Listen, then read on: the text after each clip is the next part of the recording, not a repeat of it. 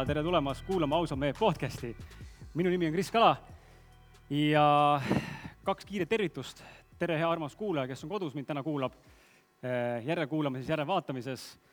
ja sinuga ongi meil jutud räägitud. Eh, aitäh, et sa kuulad ja ilusat saadet sulle ja ma pööran oma pilgud ja oma hääle ja oma tähelepanu inimestele, kes on täna siin ruumis.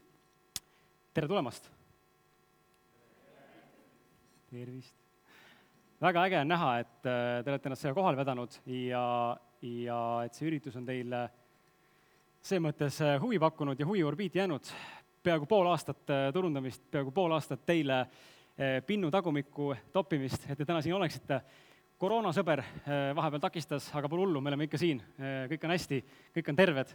ja täna vestleme siis härra Antsuga, kes üsna peaga siia meiega liitub enne kui me alustame, siis äh, ma käin kiirelt üle mõned äh, nimed ja just sellepärast, et ma väga ise tunnen viimasel ajal, kuidas on hästi oluline mulle endale ja ma usun, et ka teile endale, äh, kui te olete enda elu peal mõtlete, siis te kindlasti sellega resoneerute, tunnete sama, et kui oluline on tegelikult see, kui sind tunnustatakse mingi asja eest, mingi heateo või mingi hea töö eest ja teistpidi, kui hea on ise ka tegelikult teistele pakkuda sama asja, kellelegi aitäh öelda, kellelegi siiralt öelda, et sa näed hea välja, sa oled tubli, sa oled tore ja nii edasi, see võtab sinult olematu tüki küljest, et seda teha. Äh, hea näide on äh, tütarlapse Liisega, äh, kes lehvitab teile sealt paar päeva tagasi siin, sattusin salvestama Marju Kariniga saadet, podcast'i ja, ja Liise juhtus, juhtus olema siis stuudios, kus ma siis parasjagu saateid salvestan ja, ja mul tuli selline spontaanne mõte, kuna talle Marju tundus sümpaatne olevat, siis tuli selline spontaanne mõte, et kuule, aga paneme ühe mikri juurde, tule saatesse ja andsin talle kaassaatejuhi rolli, eh, mis tema jaoks oli eh, vapustus, aga samal ajal meeletu kogemus ja, ja minul võttis ära mida? mitte midagi. Eh, aga inimesele andis see väga palju, seega tunnustada üksteist rohkem ja siit ka siis väiksed tänuavaldused.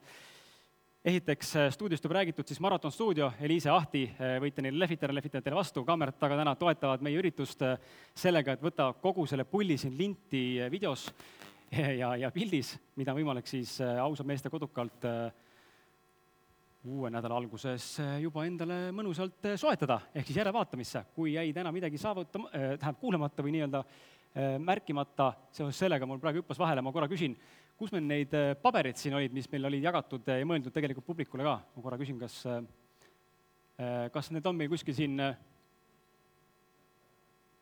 kas, ühesõnaga, aga äkki tooks need siia? Ja kui on kellelgi soovi täna midagi kirjutada või teha mingeid märkmeid, siis äh, kohe tuuakse paberid, äh, A4-d ja, ja ka pastakad, äh, mille leiate siis ülesse. et äh, kui tahate teha märkmeid ja, ja minu mingeid olulisi või ägedaid mõtteid kirja panna, kui neid tuleb täna, ma ei tea, ja Antsult tuleb neid kuhjaga täna kindlasti, et siis saate seda ilusti teha. ja maraton ühtlasi on ausa mehe podcasti uus või uusim koostööpartner, tänu kellele siis me nüüd täna salvestame kujutage ette, Eesti parimas äh, podcasti äh, stuudios podcast'e, alustasime põlve otsas MacBookiga sõbra korteris, kus kajas, jubedalt kajas, ja nüüd täna oleme professionaalses stuudios kaks pool aastat selja taga ja, ja siin me oleme koos teiega, nii et aitäh teile, sest ilma teieta ei oleks täna üritus ka. Jaa, aitäh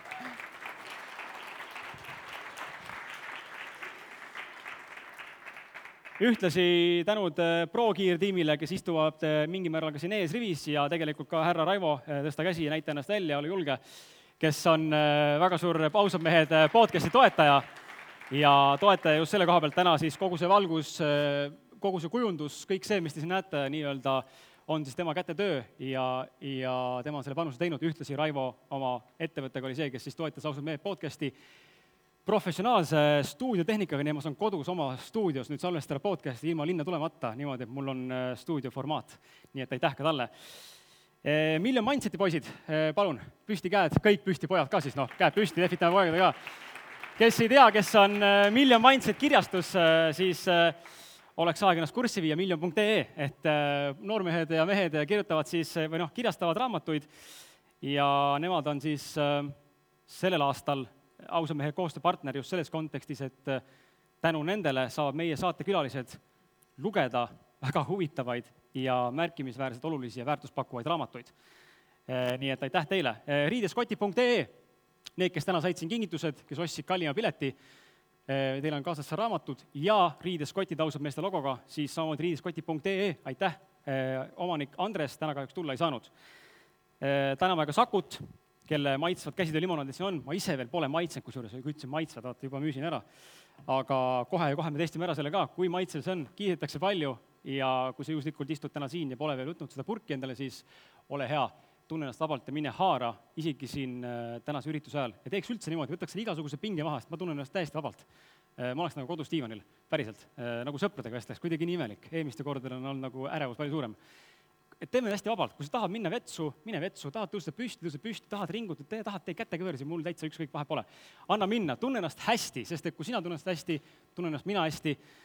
Ja kui sa tunned, tunned ennast, tunned ennast hästi, siis tegelikult läheb kõik hästi. nii et äh, tahad limpsi, mine võta, tahad vetsu, lihtsalt mine, on ju, teeme niimoodi. Äh,. täname Hestiat, kes meile seda ruumi võimaldab, kolmsada inimest äh, tegelikult äh, see ruum mahutab, täna küll oleme siin äh, peaaegu et äh, poole vähem, aga pole hullu, meil on seadused, mis ei luba lihtsalt rohkem inimesi siia ruumi täna panna ja Fientat tahan täna samamoodi, Fienta ostukeskkond, kes seal piletid ostis, ma loodan, et see oli ka teie jaoks kerge, minu jaoks äärmiselt äh, üllatavalt positiivne äh, kogemus läbi äh, nii-öelda siis sellise süsteemi, mis võimaldab piletit müüa ja ka enda turundusreklaamida, nii et aitäh, Fienta, kes selle võimaluse loonud, see on fantastiline toode, kui sa tahad ise midagi müüa, siis ma soovitan Fientat. ja ühtlasi on meil valmis saanud ka ausadmehed.ee lehekülg, seda ma tänase ekraanil kuvama ei hakka ei hakanud endale siin äh, ärevust tekitama, sest et äh, väike lapsuke on valmis saanud, aga kauaoodatud koduleht on valmis täna äh, juba nüüd üleval, on nii? Väga hea, on üleval, mis sealt leida võib, täna veel vähe, aga pikapeale üha rohkem ja rohkem, täna on seal saated, täna on seal blogipostitused, külaliste omad, minu enda omad, samuti meie meeskonna omad, samuti on seal saadetest nii-öelda mahatrükid, kirjalikud, kui saadet kuulata ei viitsi, siis lähed ja loed blogipostitust kirjalikus viisis kirjalikul viisil tähendab, ja, ja ühtlasi on seal ürituste kalender, seal on olemas äh, äh, tulemas ka meie affiliate ehk siis meie koostööpartnerite igast tooted-teenused, ühesõnaga kompott on suur, homme koju jõuate või täna õhtul koju jõuate, siis minge vaadake, äkki leiate sealt midagi huvitavat infot endale ka, täna on küll vähe, ma rõhutan, aga see kõik ajaga mööda tuleb. Ja seoses koduleheküljega tegelikult meil on ka kampaania ja ma korra mainin ka seda, ma raiskan siin meie aega veel natukene, et meil on ka kampaania tegelikult, nagu te teate, siis ausad mehed podcast täna on tasuline, muutub see mitte, ma ei oska seda öelda täna veel, aga on täna tasuline. hetkel on ta kaksteist eurot kuu, nüüd augustikuu jooksul, täna on august, korraks läks sassi, täna on august, augustikuu jooksul saab olema siis üks kuu kampaania, kus siis hinnaks saab olema kaheksa eurot. Ja ma otsustasin, et kuna ma tõesti tahan, et inimesed tegelikult kuuleks neid saateid, sest et seal on ka kohutavalt palju väärtust. üle kuuekümne tunni, ma arvan, pluss tundi kuulamist Eesti tippudega, eh, siis ma teen teile spetsiaalse pakkumise emailile, mis tuleb siis teile lähinädala jooksul. nii et siis teate, kui soovite, saate kasutada võimalust. ja suur-suur aitäh, nagu reaalselt viimane aitäh sõbrale Karl-Martin Karusele, kes siin kätt tõstab julgelt vaikselt niimoodi taga, taga, tagasihoidlikult. tema on eh, enda Lacuna, lacuna.ee leheküljega siis eh, digiagentuuriga tegelikult ausalt meeste kodulehekülje valmimise taga hullupööra palju tunde sisse pannud sinna ja näinud vaeva, et see asi saaks valmis. nii et kui sa tunned, et sa vajad kodulehekülge, sotsiaalmeedia turundust e, emaili turundust, reklaampännerid või midagi muud sarnast, mis puudutab digiturundust, üldse digimaailma, siis härra istub siin teises reas pausi ajal tule siia juurde või siis lõpus või siis mine vaata kodus lacuna.ee. ja, ja, ja aa, ja veel, vabandage, näed, juba valetan, et hakkab pihta, veel üks viimane asi veel, luban, see on viimane eh,. tahan tänada neid piletiostjaid, nimeliselt ma kahjuks teid praegu tänada ei jõua, sest ma unustasin see nimekiri kokku panna. aga need kolmkümmend seitse inimest, kes ostsid pileti enne esimest juunit, palun tõstke käed. aitäh teile ja nagu päriselt aitäh teile, sellepärast et äh, teie andsite mulle ja minu meeskonnale motivatsiooni jätkata selle ürituse korraldamisega, kui tuli koroona peale ja ma arvasin, et kõik on kaputt, me oleme neljakümnekesi siin. et äh, täna meid rohkem, peaaegu sada viiskümmend, äh, rekordüritus ausad meeste live podcastis. nii et aitäh teile ja selle eest, et te olite valmis meid toetama ja olemas olema. ma saadan, saadan teile kingitusena emaili kaudu liitumise siis ausad meeste podcast'i tasulistesse epido-, episoodidesse kuu aega tasuta kuulamist. nii et äh, see on minu väike siis äh, äh, tänuavaldus teile.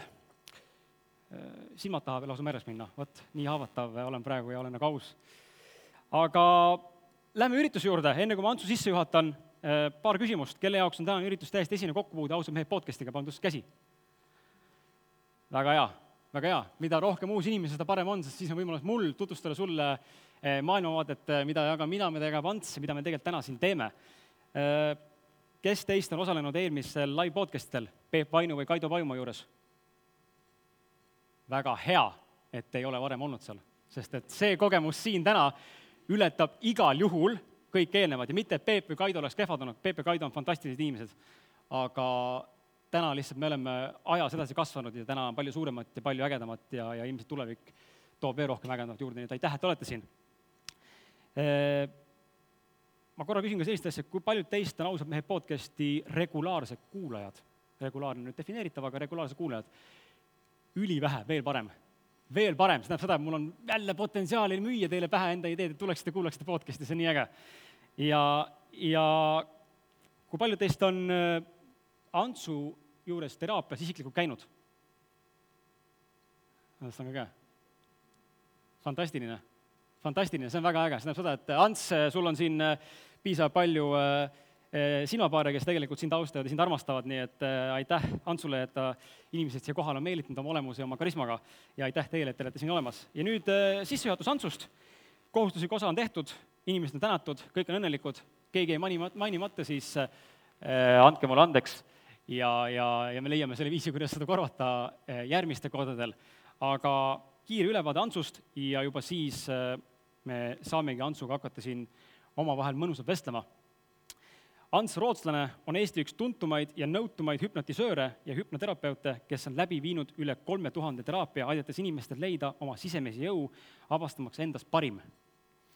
Ennast ise peab Ants üheks lihtsaks tavaliseks uudishimulikuks õppijaks, kes nii nagu paljud teisedki meie seas seda unikaalset peidus olevat tõde siin elus tegelikult otsib. Ants alustas enda tõeotsingutega pärast keskkooli, kui koges ise hüpnoteraapiat.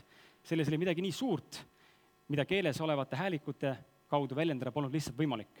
ja ma pean siinkohal kinnitama, see vastab tõele. ka minu kogemus on olnud äh, äh, üsnagi šokeeriv ja hämmastav.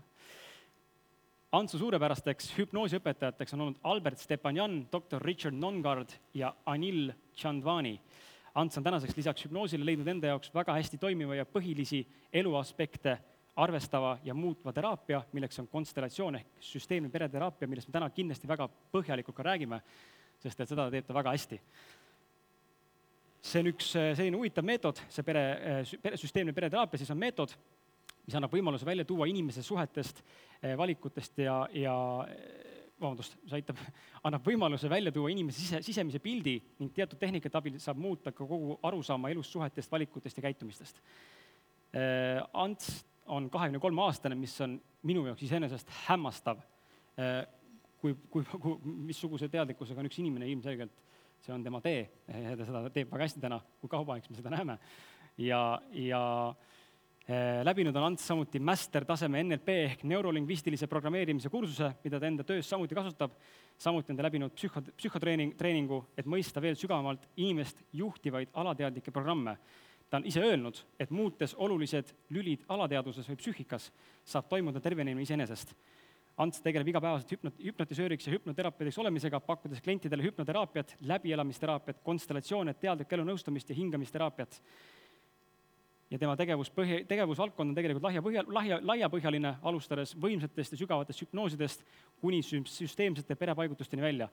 lisaks on täna ka Youtube'i kanal ja tema enda abimees on täna seda filmimas, nii et ärge kartke siis ka lindi peale jääda ja naeratage, kui teid filmitakse. ja, ja see, sellise väikse sissejuhatuse saatel ma palun päriselt südamlikku, aupakliku au, austusega välja teenitud suurt aplausi Ants Rootslane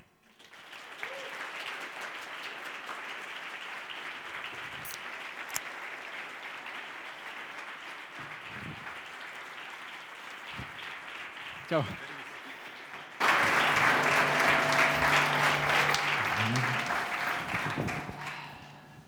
tere, Ants!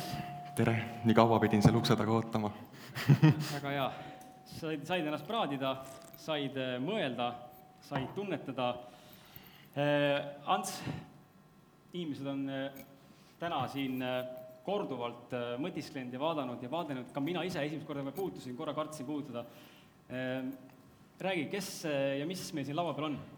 see on sellest aastast minu uus elukaaslane, kuna mul, ma olen selline veider inimene, pisut ka spirituaalne, siis minu jaoks on olnud sellised suhte loomised väga keerulised, mulle ei anta võimalust siis suhetesse väga minna. Ja ootamatult siis selline kakssada aastat vana tegelane saabus minu juurde. tema nimi on siis Artur ja Artur on siis äh, minu tööriist tegelikult, et ta on kakssada aastat vana, ta on pärit Peruust ja antakse edasi siis õpetajalt õpetajale ja kuidagi ta sattus siis Eestisse minu õpetaja kätte. Ja tema andis selle omakorda mulle. Nii et äh, sul on siis äh, mõne aja pärast äh, plaanis edasi kinkida see kellelegi? ei, ma ikka tahan enam vanaks saada, me vananeme koos. Väga hea, väga hea. E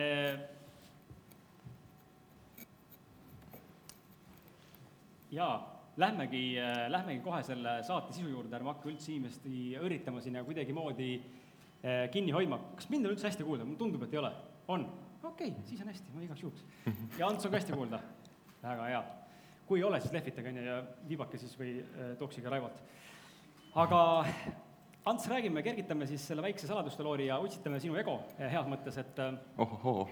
et, et utsitame ego ja, ja räägi, sa oled äärmiselt populaarne ja, ja ma ei tea, kui paljud on tegelikult seda märganud, ma olen seda sinu teekonda nüüd jälginud võib-olla poolteist aastat Äh, pärast seda, kui me sinuga esimest korda ausalt mehe podcast'is maha istusime. Ja ja mul on sama küsimus olnud enda peas kogu aeg, et kuidas on see võimalik, et üks, üks hüpnotisöör lihtsalt on nii, või üks inimene on nii tuntud ja kuidagi nagu nii palju eh, fookust läbi selle, mida sa teed, ilma et sa tegelikult ise väga palju eh, väliselt või välisressurssi paneksid turundusele või, või mingisugusele reklaamile või mingisugusele meediale või uudistele või millele iganes veel. Et mis on sinu edu valem, on see esimene küsimus, milleni ma tahan jõuda ja, ja see on küsimus, tuleneb just sellepärast äh, selle koha pealt, et kuidas, mis on edu valem, sest me kõik siin saalis täna, kaasa arvatud mina, me kõik iseenda valdkondades tegelikult mõtleme selle peale ja igapäevaselt mõtleme, mõtleme, ketrame, kuidas saada edukaks, kuidas olla edukam ja kuidas seda nagu teha niimoodi päriselt, et on ka tulemust, et äh, jaga palun enda kogemust, kuidas sa oled jõudnud täna sellisesse seisu, kus äh,, no kus sa täna oled? Mm? -hmm võib-olla esimene asi, et edukaks saada, on vaja saada kannatustest vabaks. Ja minul oli palju kannatusi enne kahekümnendat eluaastat ja ja kui ma ühel hetkel avastasin, et äh, tavapsühholoogia või psühhiaater ei aita, mul olid siis ärevushood ja paanikahood ja kõik muud sellised, siis ma sattusin kuidagi mingisugusesse televisioonisaatesse, kus siis tehti hüpnoosi ja, ja see info, mis sealt hüpnoosiseansilt minu jaoks tuli, oli äärmiselt nii-öelda hirmutav, et ähm, aga mis info sealt siis nagu tuli hüpnotisööri ma mõtlengi, mida ma, mida ma täpselt äh, räägin, et ähm, see info võib-olla oligi see, et äh, miks see ärevus, äh, hirm, elukartus sinu sees üldse on. Ja kui me selle nii-öelda vastuseni enda sees jõudsime, siis ma saabusin mitu elu tagasi seda probleemi nii-öelda lahendama, ehk siis mind viidi eelmistesse eludesse kus ma siis nägin äh, ja tundsin füüsiliselt, kuidas mulle lasti kuul pähe ühes elus. Äh, lõpetasin suhteliselt noorelt, kolmeteistaastaselt, ja teine elu siis ma tapsin ennast armastuse pärast ära. Äh, selline huvitav kogemus, eks ju, hüpnoosist. no lahendasime selle ära, tulime siia praegusesse aega hetke ja siis mingi hääl ütleb mulle hüpnoosis, et sa pead hakkama inimestega töötama. ma võtsin seda nagu huumoriga, mõtlesin, et ahah, naljaga ja, ja kui ma ära läksin sealt, siis ma mõtlesin, et noh, sellega see asi piirdub, sellepärast et see ärevus ja selline hirm nagu kadus ära. aga siis sattuski kuidagi see eneseareng minu teele, et eh, kuidagi juhuslikult sattusid minu teele õpetajad, kes hakkasid siis mind koolitama ja vabatahtlikult kuidagi tahtsid seda teha, ühel hetkel ma avastasingi, et ma olen nüüd terapeut, terapeudi tooli peal. ja ma olin siis kakskümmend. Et eh, ilma põhjaliku tegelikult väljaõpet, et ma sain küll selle hüpnoosiõppe kätte, aga inimpsüühikast ma ju midagi ei teadnud ja siis ma hakkasin kuidagi neid tegema, esimesed viiskümmend hüpnoosi oli minu jaoks ausalt öeldes pisut kummaline, ma ei saanud üldse aru, mida ma teen, et aga ma nägin, et see toimib et tõesti, ma viisin neid inimesi sinna seisundisse, ma sain selle baasi kätte, kuidas neid täpselt seal mõjutada ja see oskus oli mul kuidagi kohe olemas, et inimesi sinna sügavasse hüpnoosi viia. ja ja kui ma nad olin seal nii-öelda viiskümmend tükki ära teinud, siis ma hakkasin juba aduma, mis hüpnoos täpselt on, ma hakkasin ennast edasi arendama ja ühel hetkel ma sain aru, et lihtsalt hüpnoosist jääb nagu väheks. et sul peavad ikkagi olema mingisugused teadmised psüühikast, psühholoogiast, et äh, aidata inimest tervikuna, sest äh, juba Freud avastas oma praktika jooksul, et äh, lihtsalt hüpnoos üldiselt püsivatoimeline ei ole. et ta on üks-kaks kuud ja siis tuleb see teema tagasi. tõesti, hirme ta võtab laitmatult hästi ära, mõnikord ka ärevuse, aga, aga et midagi sügavamat enda tasandil muuta, peame me nägema natukene laiemat pilti, kui me hüpnoosis näeme. sest me kunagi ei tea, kas sealt nii-öelda varitseb siis illusioon või, või mitte, mida inimene siis parasjagu näeb. Ja kui ma hakkasin inimestega tööle siis äh, nii-öelda terapeudina, siis äh, minu jaoks oli ausalt öeldes hämmastav see, et äh, kui ma terapeudiks hakkasin, siis need inimesed tulid kuskilt ise, ma ei teinud mingisugust reklaami, vist Facebooki lehe tegin, ja kuidagi niimoodi avastasin, et ma jaanuarikuus alustasin ja mul oli jaanuaris kakskümmend klienti, ma ütlesin, kust nad tulid, ma küsisin neilt ka, ega nad ei osanud ka mulle täpselt öelda, kust nad tulid ja siis ma arvasin, et ma pean hullult turundama ennast hästi palju, mul assistent, ma võtsin kohe assistendi, sest ma olen kehv arvutis äh, aegade broneerimisega, ma ei jõua ise kohale siis. ja, ja assistent ütles, palun ära promo, et meil ei ole enam aega kuskile panna pärast kolmandat kuud. ja siis see järjekord kuidagi hakkas kahe-kolmekuuliseks juba venima ja praegu on üldse hullumaja, et kuidagi kuus-seitse kuud või assistent ütles, et meil on järgmise kevadeni tööd, et ära rohkem inimestel reklaami tee et ja kui rääkida, kust see edu tuleb, siis mm, ma arvan ikkagi, et äh, mingisuguse sünniga kaasa antud mingisugune asi, miks need inimesed äh, tulevad ja miski, mis seal teraapiaruumis siis minust välja tuleb, mis nendele inimestele sobib. Ja siis ma võin ju olla tohutult õel, otsekohene, sarkastiline, ironiseeriv, ma võin inimest teraapia uksest välja visata, kui ta ei tunnista midagi. et mu see töömetoodika on hästi huvitav, et ma omale olemuselt olen nagu pehme, aga mõnikord selleks, et lahendust tuua, eh, pean ma ära unustama oma hea nime või, või selle, et ma ei tee enda hea nime pärast tööd, vaid ma töötan kliendikeskselt ehk siis minu huvi on ainult see, et ta sellest vanast mustrist või dünaamikast välja tuleb ja teinekord peab andma piltlikult öeldes vitsa selleks. ja ma arvan, et see ongi see edu, et see ausus ja te-, autentsus seal äh, teraapias ja, ja see, et sa kommunikeerid oma mõtteid otse ja selgelt, otsekoheselt välja. et sa ei keeruta ja aja mingit äh, jura lihtsalt suust välja, mida sa oled õpikust lugenud, vaid et sa võtad selle oma kogemusest ähm, tuleneva mingisuguse maailmapildi, mis on siis aja jooksul tekkinud selle õeluse näite kohaselt, ma ei mäleta, kas ma olen seda podcast'is maininud, vist isegi mainisin, sa, ta tegi mulle esimesel seansil äh, päris kõvasti haiget. ta ütles mulle, mitte, ja mitte see koht, et nüüd vaadake Antsu halvasti, eks ole, vaid tema, tema see praktika, kuidas tema töötab, mis tegelikult mulle väga toimis ja see mõjus. Äh, ta ütles mulle, et mul ei ole väärtust pakkuda teistele inimestele. ja see, ja teate, mis see tegi mulle või? ma ei tea täpselt, mis ta tegi, aga ma saan öelda, mis ta tegi, see tegi mulle tohutult haiget alguses. Resoneerusin, sest et ma sain aru, tegelikult nii ongi, ma olen ka väga aus enda vastu ja ma saan aru, kust, kust ma, ma nagu ületan enda mingid piirid endale valetades või egoistlikult piirist. aga seesama lause, et sul ei ole väärtust pakkuda teistele inimestele, see käivitas minus meeletu alandlikkuse protsessi ja samal ajal ka mingisugused sellised teistsugused asjad, kus ma sain aru, et äh, ma pean tegema paremini, ma pean tegema veel paremini, veel olema ausam endaga.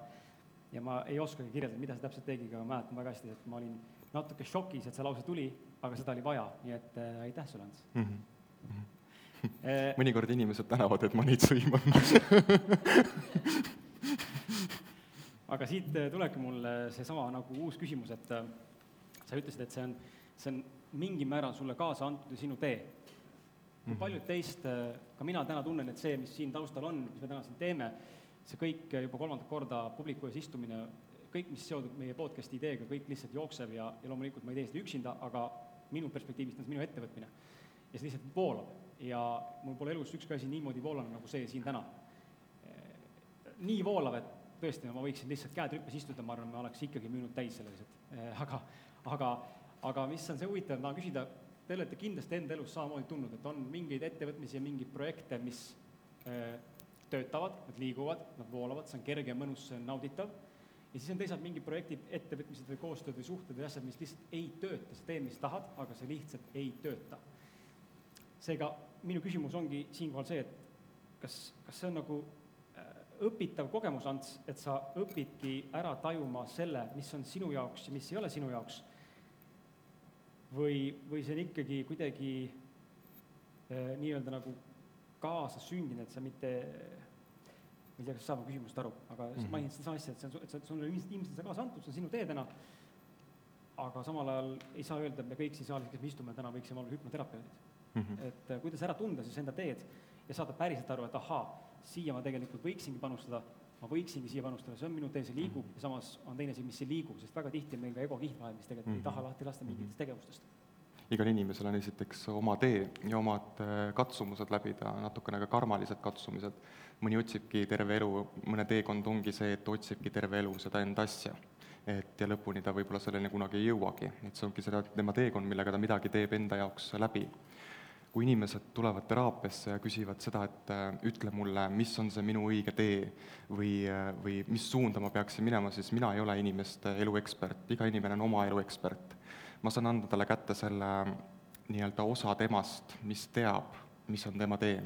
ja tavaliselt, kui inimesed ähm, kaotavad ära selle enda elusihi või selle tunde, et neile midagi kirge pakuks või et nad ei tea, mis on see õige asi, mida teha, siis tavaliselt nad on kaotanud ju ühenduse oma sisemise lapsega see on võib-olla selline klišee, aga nii see tõesti on, et äh, meil on juhtunud hästi palju traumasid, äh, raskusi äh, minevikus, just esimesest kaheksanda eluaastani, kus inimesed on võtnud vastu mingisugused otsused enda jaoks, et kui nad suureks saavad, siis nad mitte mingil juhul ei koge seda valu enam, mida nad seal kogesid.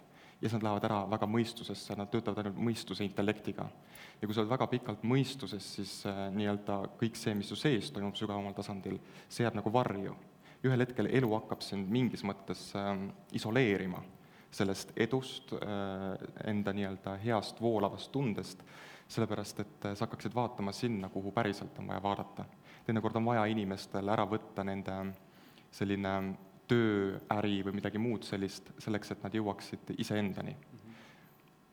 ja et võib-olla ongi kõige lihtsam viis, kuidas iseendani jõuda, iseenda teeni jõuda, luua ühendus uuesti oma sisemise lapsega ja kuidas aru saada, kas sa oled ühenduses oma sisemise lapsuga, siis, lapsega, siis ma olen soovitanud alati, ma küsin, tähendab, teraapias inimestelt, aga mis on see tunne sinu sees praegu? mis sa arvad, mis enam, enamus inimesed äh, vastavad? ma ei tea, mu elus on praegu kõik hästi. mul on elus on kõik noh, pekkis, eks ju. aga ma küsisin, mis tunne sinu sees on. et neil puudub enda tunnetega kontakt ja emotsioon ja kui sa ei ole oma tunnetaja tunnetage absoluutselt mitte mingisuguses kontaktis, siis on äh, väga raske ka mingit äh, sisemist teed või sisemist suunda leida. kuidagi niimoodi. Olen ma seda asja näinud, et äh, et sest see kuue-seitsmeaastane, viie-nelja-aastane, see teadis ju väga hästi, mida ta teeb. üldjuhul nad olid rõõmsad, muretud, nad proovisid ühte asja, võib-olla ebaõnnestusid, proovisid teist asja, niimoodi me peaks ka oma elus talitama, et me proovime võimalikus nii-öelda noores eas võimalikult palju asju enda jaoks ära, mis meid kõnetavad, et leida siis see päris osa. ja see ei tähenda seda, et sa leiad selle päris osa üles, et, et sa pead terve elu seda tegema. ma ei tea ka, kaua ma terapeut olen võib-olla uuest aastast ma enam nii palju ei tööta terapeudina, võib-olla ma annan seminare, ma ei oska öelda. et pigem selline spontaansus ja, ja kogemine. aga kõik need seljakotid, mis me enda seljas kanname, mis tulevad ka perekonnast tihti, siis need varjutavad meie enda tee ära ja me jääme väga pikaks ajaks lahendama läbi enda sellise raske tunde, emotsiooni, just seda, mis jäi lahendamata võib-olla vanaemal, vanaisal või emal-isal. ja sealt me kaotamegi oma sihi ja oma tee, sest ähm, kui me hakkame ka rääkima täna perekonnast, siis see on ju terviksüsteem. iga süsteem tahab ellu jääda ja süsteemil ei ole absoluutselt vahet, kui ta ühe inimese viib lihtsalt äh, selle kogu raskuse nii-öelda selle ühe inimese peale. et oleks võimalikult äh, ühte kohta koondunud, et teised saaksid edasi elada. sest mõni õde-vend, temal on laitmatud ärid, tema on õnnelik pere ja see teine õde-vend siis istub üksinda, pole tal tööd, on ta õnnetu, raskustes. aga kas see tähendab siis seda, et äh, piltlikult öeldes, võttes see näide, et üks õde või vend on siis äh,, supleb nii-öelda siis äh, edus ja, ja kõiges heas mm.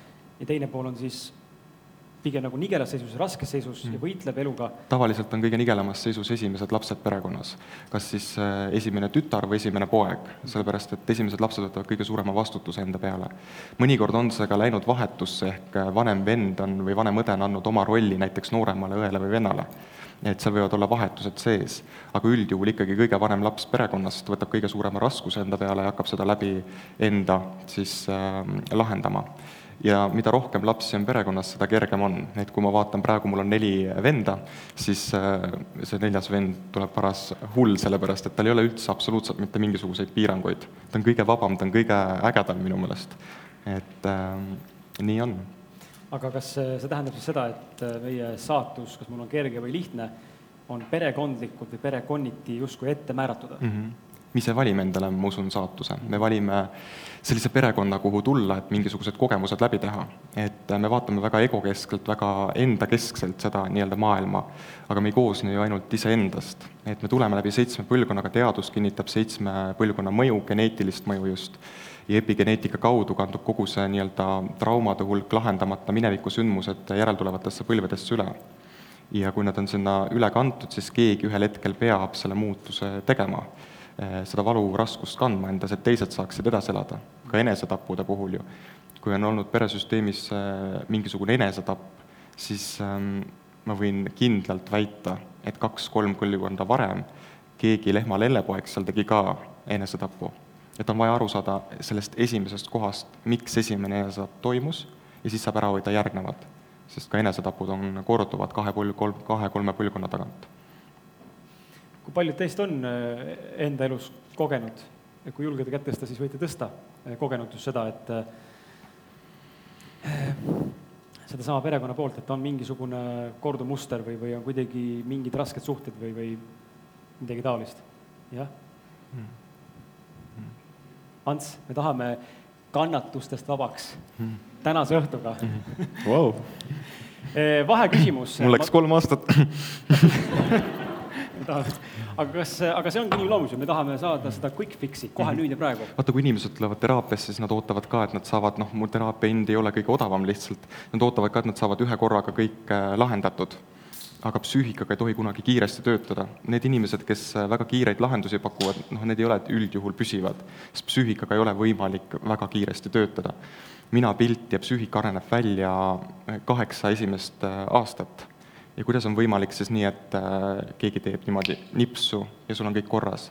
on võimalik loomulikult hullutada inimesi ja teha energiakeskused korda ja tasakaalustada energiat, inimene tunnebki mõnda aega ennast väga hästi.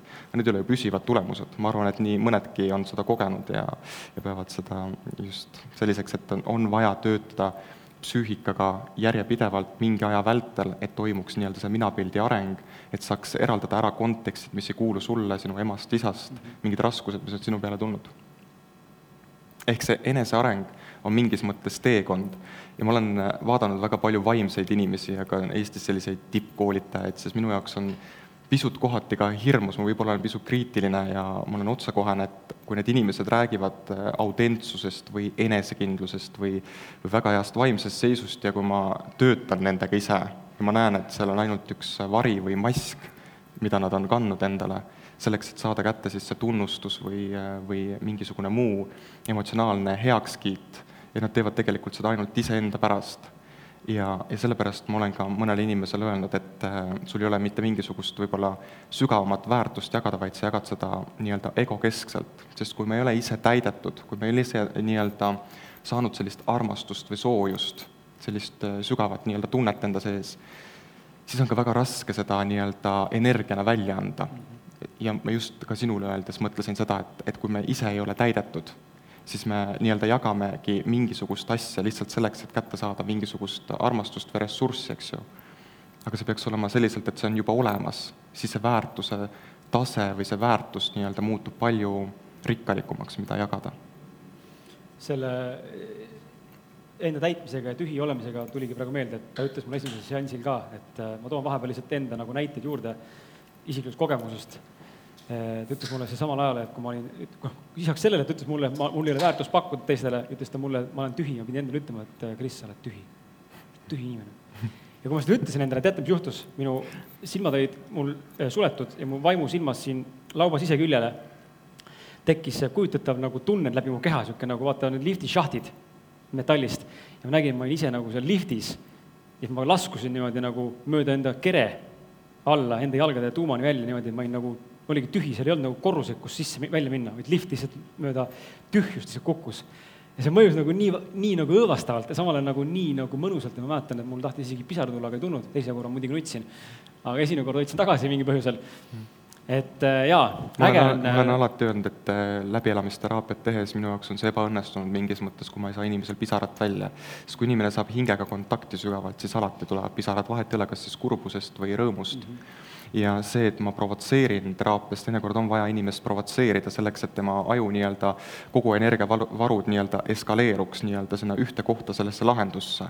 Et äh, ma peaaegu alati kasutan provotseerimistehnikat, kui inimene ei ole väga habras ja ma näen, et ta tuleb sellega toime, et ta lihtsalt jõuvarud endal kontsentreeruks võimalikult palju sellesse kohta. ja see ei pruugigi olla sada protsenti tõde, mis ma sulle ütlen, vaid ma nii-öelda natukene panen ka üle mm, -hmm. natukene võimendan neid asju selleks, et, äh, et nii-öelda, et see kohale jõuaks ja et mingisugune jõud nii-öelda koonduks sinna mm, -hmm. et sa pöörad sellele rohkem tähelepanu. jaa, aga see vist võib-olla ka ongi noh, inimesed erinev, ma ise näen ka, et äh, ma ei, ma ei ole nagu kellegi terapeut ega kellegi ravija, aga, aga ma näen, et inimestega suheldes teinekord ka mingid teravamad äh, väljaütlemised või nagu minu mingil määral otsekohesum, kohesem nagu suhtumine, see teeb nagu ühtepidi haiget, aga teistpidi see ongi see, et see rap-, see raputabki selle nagu noh, pildi tagasi nagu, nagu paika kuidagi, jõuab nagu mhm. paremini kohale, kui see mm, -hmm. ma ütlen nagu malbelt ja leebelt ja mm -hmm. nii-nännutan. ma käisin üks päev ühe sõbraga söömas, seal olid võõrad inimesed ja kuna ma näen tavainimeste poole pealt võib-olla natukene rohkem, siis minu kõrval istus üks õnnetu naine. ta oli, ma nägin, et ta oli pikaajalises suhtes, aga ta oli seal õnnetu, ma näen, et ta mees petab teda kolme armukesega, näidati ära aborditud lapsed, mis tal oli, tema elu seisis nagu paigal. ja ma alati küsin luba, enne kui ma inimesele ütlen, kui ma saan selle loa, siis ma ütlesin talle kõik selle välja seal. ta sai šoki loomulikult, aga mõnikord on vaja inimesi šokeerida, sellepärast see paneb neid elama, see paneb neid tegutsema, sellepärast et äh, ma arvan, mitte keegi ei taha meist lõpetada sellises seisus, kus meil äh, lõpuks on hauasildi peal äh, kiri, et siin puhkab inimene, kes mitte kunagi ei elanud oma elu, kes lõpuni ootas, et ta saaks hakata elama. et vahel on vaja šokeerida mul on vahepeal väike vahe, vaheküsimus ja tõusen korra siit püsti ja haaran siit niisuguse huvitava, huvitava mänguasja, mis ma unustasin enda kaasa võtta kes teab, mis see on? Mikrofon. ja mul on väike küsimus. Äh, käsi püsti, kui tahad vastata, viskan selle sulle ja kui vastus on, siis saad kingituseks ühe kaardipaki, kes on meie koostööpartner Eluplaani kaardid. mitmes saade Ausad mehed podcasti repertuaaris täna salvestamisel on? võid kasutada ka sohi tegemiseks nutitelefoni ja mine vaata Iiris SoundCloudist. mitmes saade on täna käes, kes tahab vastata? räägi mikrofoni sisse. sada viiskümmend üks. ei, viska tagasi kus see järgmine käsi on? nelikümmend neli. Õige vastus, anna siia. ja ma toon sulle eluplaan, vestluskaardid siis ekstreem karmid küsimused, palun. aitäh sulle. nii, Ants, jätkame sinuga, segasin mm. vahele siia. natuke teile ka sõna, sõna, siis on nagu meelelahutuslikum ka me varsti hakkame meelelahutust tegema. niimoodi lahutama meelt, jah. ma juba tean, mis alles alustame. mul natuke isegi juba hirm.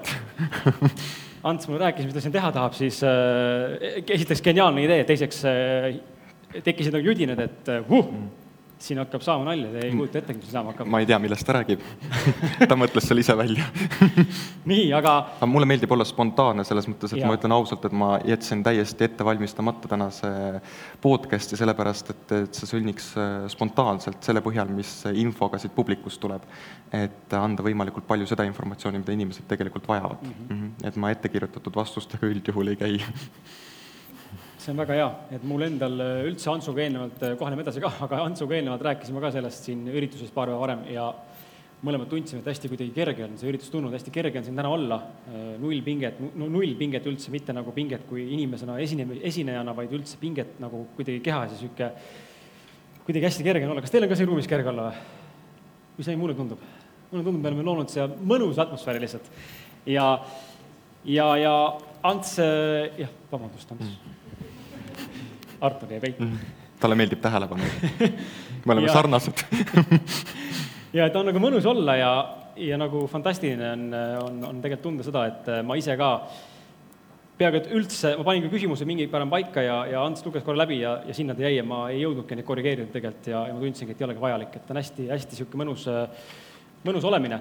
aga lähme, lähmegi teraapiast, räägime hüpnoteraapiast, et sa mainisidki, et eh, just nimelt see hüpnoteraapia, noh, tahaks mingeid näiteid lõpuks saada siia juurde mm., aga räägime, mis vahe on siis äh, hüpnoteraapial, äh, lihtsalt teraapia ja, ja, ja siis ka selles mõttes äh, populaarses koguv coaching, millega täna paljud tegelevad, et mis on nende suurimad nagu erinevused ja, ja kuidas üksteist, kas, kas neid kõiki võiks nagu mingil määral siis nagu katsetada või, või nad pigem on üksteist pärssiva korraga teha või mida eelistada või mida mitte eelistada, et räägi natuke sellest dünaamikast et äh, ma olen alati soovitanud inimestel võtta üks teraapiasuund korraga, et ta töötab ühe terapeudiga mingid teemad läbi ja kui terapeut tunneb ja klient tunneb, et tal ei ole rohkem midagi saada või sellel terapeudil ei ole mida- midagi talle rohkem pakkuda, siis võtta mingisugune uus suund.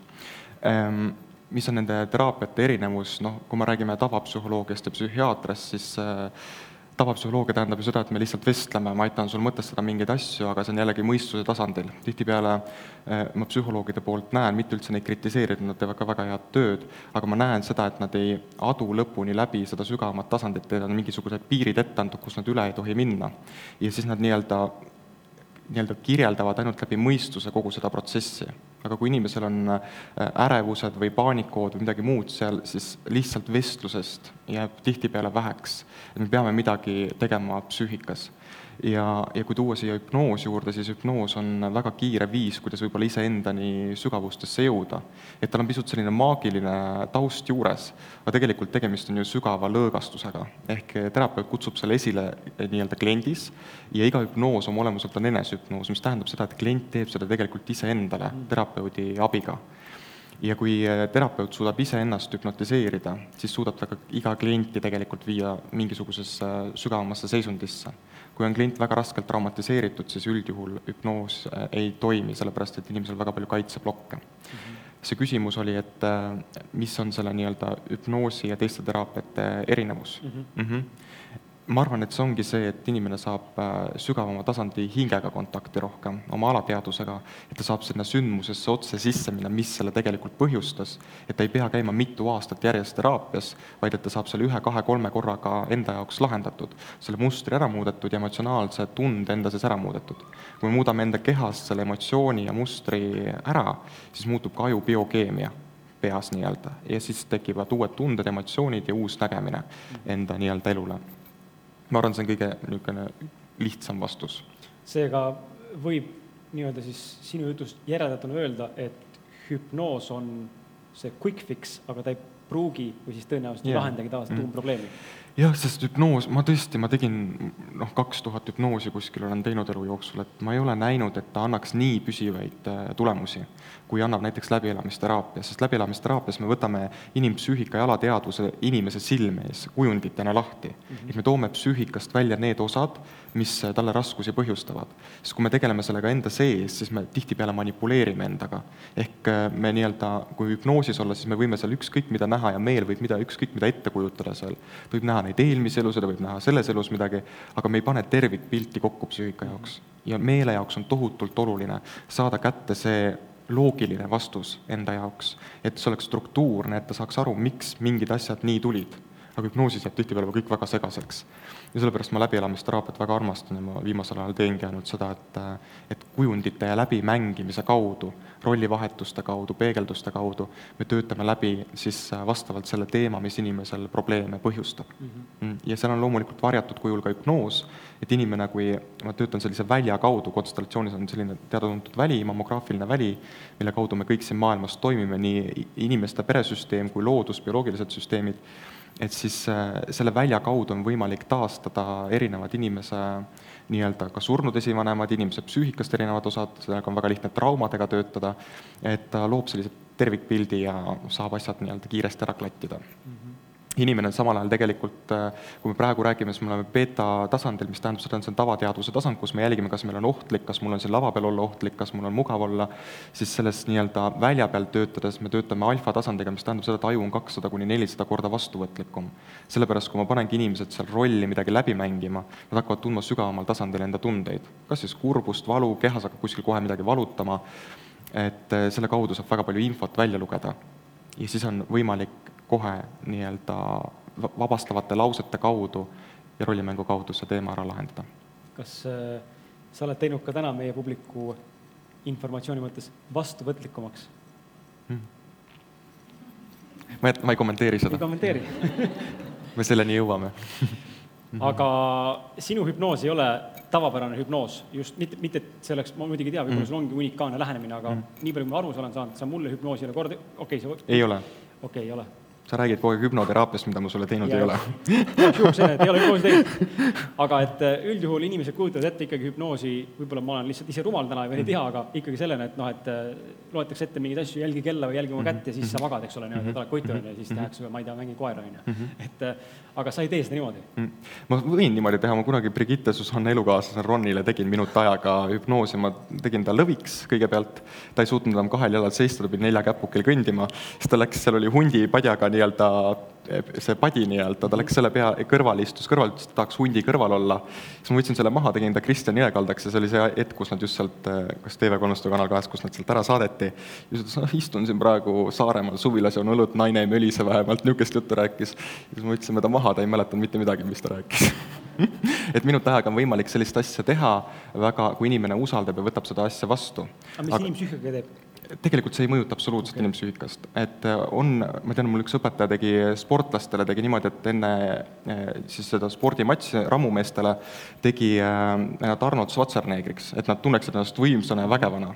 ja inimesele hakkas see roll nii meeldima, et ta keeldus sealt välja tulemast. ta käiski igal pool ringi, tutvustas ennast Arnold Schwarzeneggerina ja, ja, ja ei tulnudki välja, ta keeldus välja tulemast sealt ei saa maha võtta ja selleks, et kui inimene on langenud hüpnoosi, millest ta välja ei tule, see on üks teadaolevalt väheseid juhtumeid, mis tegelikult on, siis tuleb inimesele teha nii-öelda hüpnoosikoridor, mis tähendab seda, et kaks inimest, kes on väga vastuvõtlikud hüpnoosile mm, -hmm. istuvad kõrval ja see inimene pannakse sinna keskele istuma, öeldakse, et sa ei pea kaasa tegema, aga ta langeb automaatselt ise sinna seisundisse mm. -hmm. Te saate täna grupihüpnoosi mõju tunda, grupihüpnoos on tunduvalt kergem on seda läbi viia kui äh, nii-öelda üks-ühele nii-öelda hüpnoosi, sest mustrid on justkui nakkavad või see energia on justkui ühine ja muutused toimuvad palju suuremad, et see ühisenergia tekib ja siis nii-öelda on lihtsam minna sinna seisundisse. et kui kõrval üks ära kukub, siis teine on ka kohe minemas ja hüpnoos ei tähenda seda, et sa kaod kuskil ära, et sa ei mäleta midagi, see on tõesti show-hüpnoosi element, et me võime panna kedagi tegema siis midagi, mida ta võib-olla loogilise mõistusega ei teeks, aga kui me teeme teraapilist hüpnoosi, siis inimene läheb lihtsalt sügavale ühendusse iseendaga,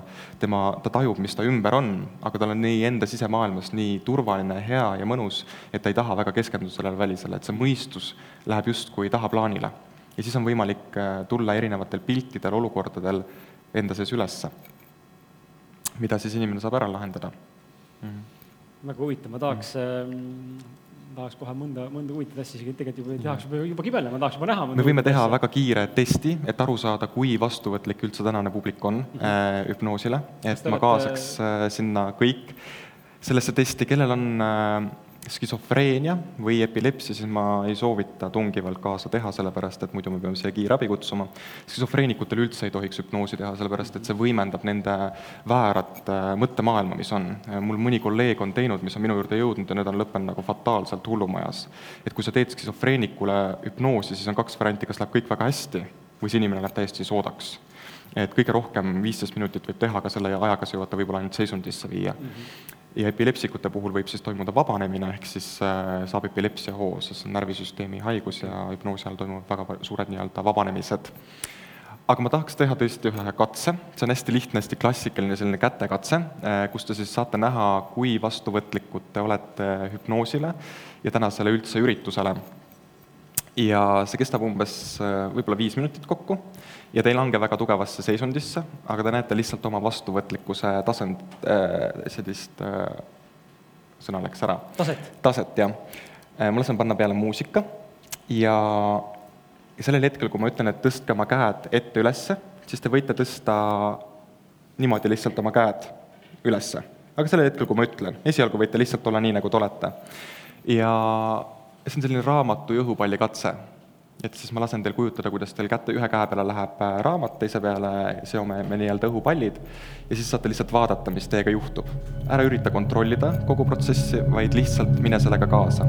ja alustuseks ma palungi, et sa lihtsalt äh, paneksid silmad kinni, hingaksid mõnusalt alustuseks sisse-välja ja keskenduksid täielikult iseenda hingamisele. usaldad kogu protsessi maksimaalselt ja lased lihtsalt iseendal hingata võttes selle aja iseendale, kus oled otsustanud, et sina oled praegusel hetkel kõige tähtsam. lihtsalt keskendud iseenda hingamisele ja tunnetad, kuidas iga hingetõmbega sa lihtsalt rahuned. lihtsalt lõõgastud ja rahuned turvaliselt, mõnusalt. võtad selle aja ja lihtsalt hingad. tunned, kuidas sinu rinnak või kõht tõuseb üles ja alla, samal ajal kui sina hingad mõnusalt sisse ja välja.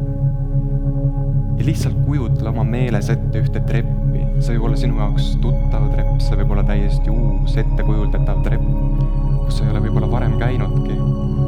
see trepp viib lihtsalt sind ühendusse iseendaga täiesti turvalist teed pidi. ja sellel trepil on kümme astet. ja kui ma loen sulle kümnest üheni, siis iga astmega langed sa järjest sügavamale ja sügavamale ühendusse iseendaga, lihtsalt turvalisse olemisse, kus sul on mõnus, hea, soe ja pehme olla.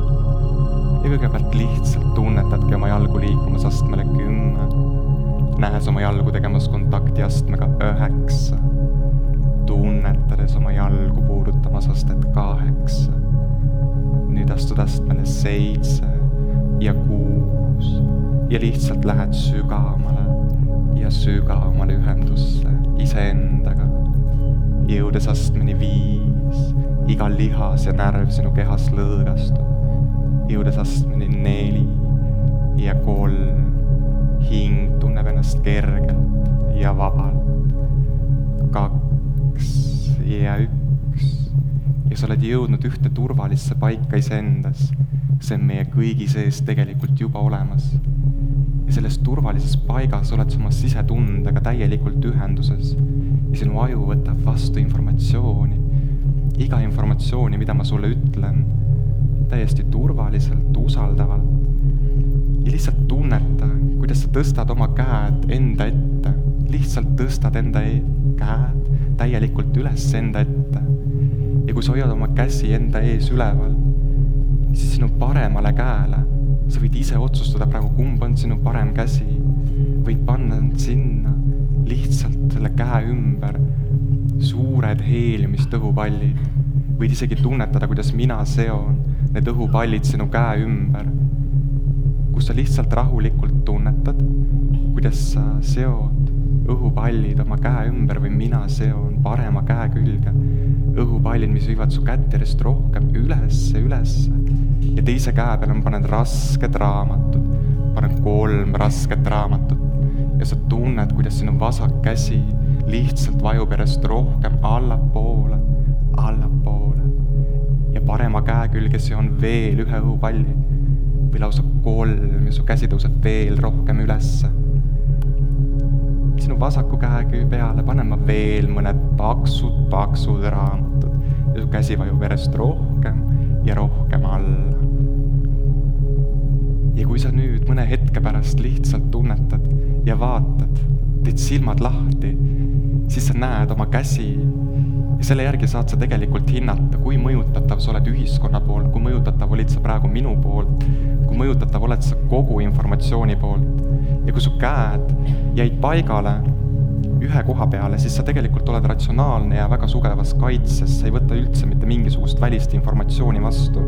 ja kui sa ei võta vastu välist informatsiooni, siis sa isoleerid järjest rohkem iseennast enda sisemusse ära. ja kui su käed tegid sellise väikse liigutusasendi, siis tegelikult oled sa igasugusele informatsioonile vastuvõtlik ka ühiskonna poolt. näiteks kui sa vaatad mõnda reklaamplakatit kuus sekundit, näiteks uuest televiisorist, siis õhtul koju minnes võib sul tekkida tunne, et kuigi ma olen uue televiisori alles ostnud, vajan ma ikkagi uut, sellepärast et sa oled vastuvõtlik. aitäh teile, võite rahulikult ärgata pange suu inutav muusika palun kinni mm. -hmm. kõik, pidu läbi võib koju minna, aitäh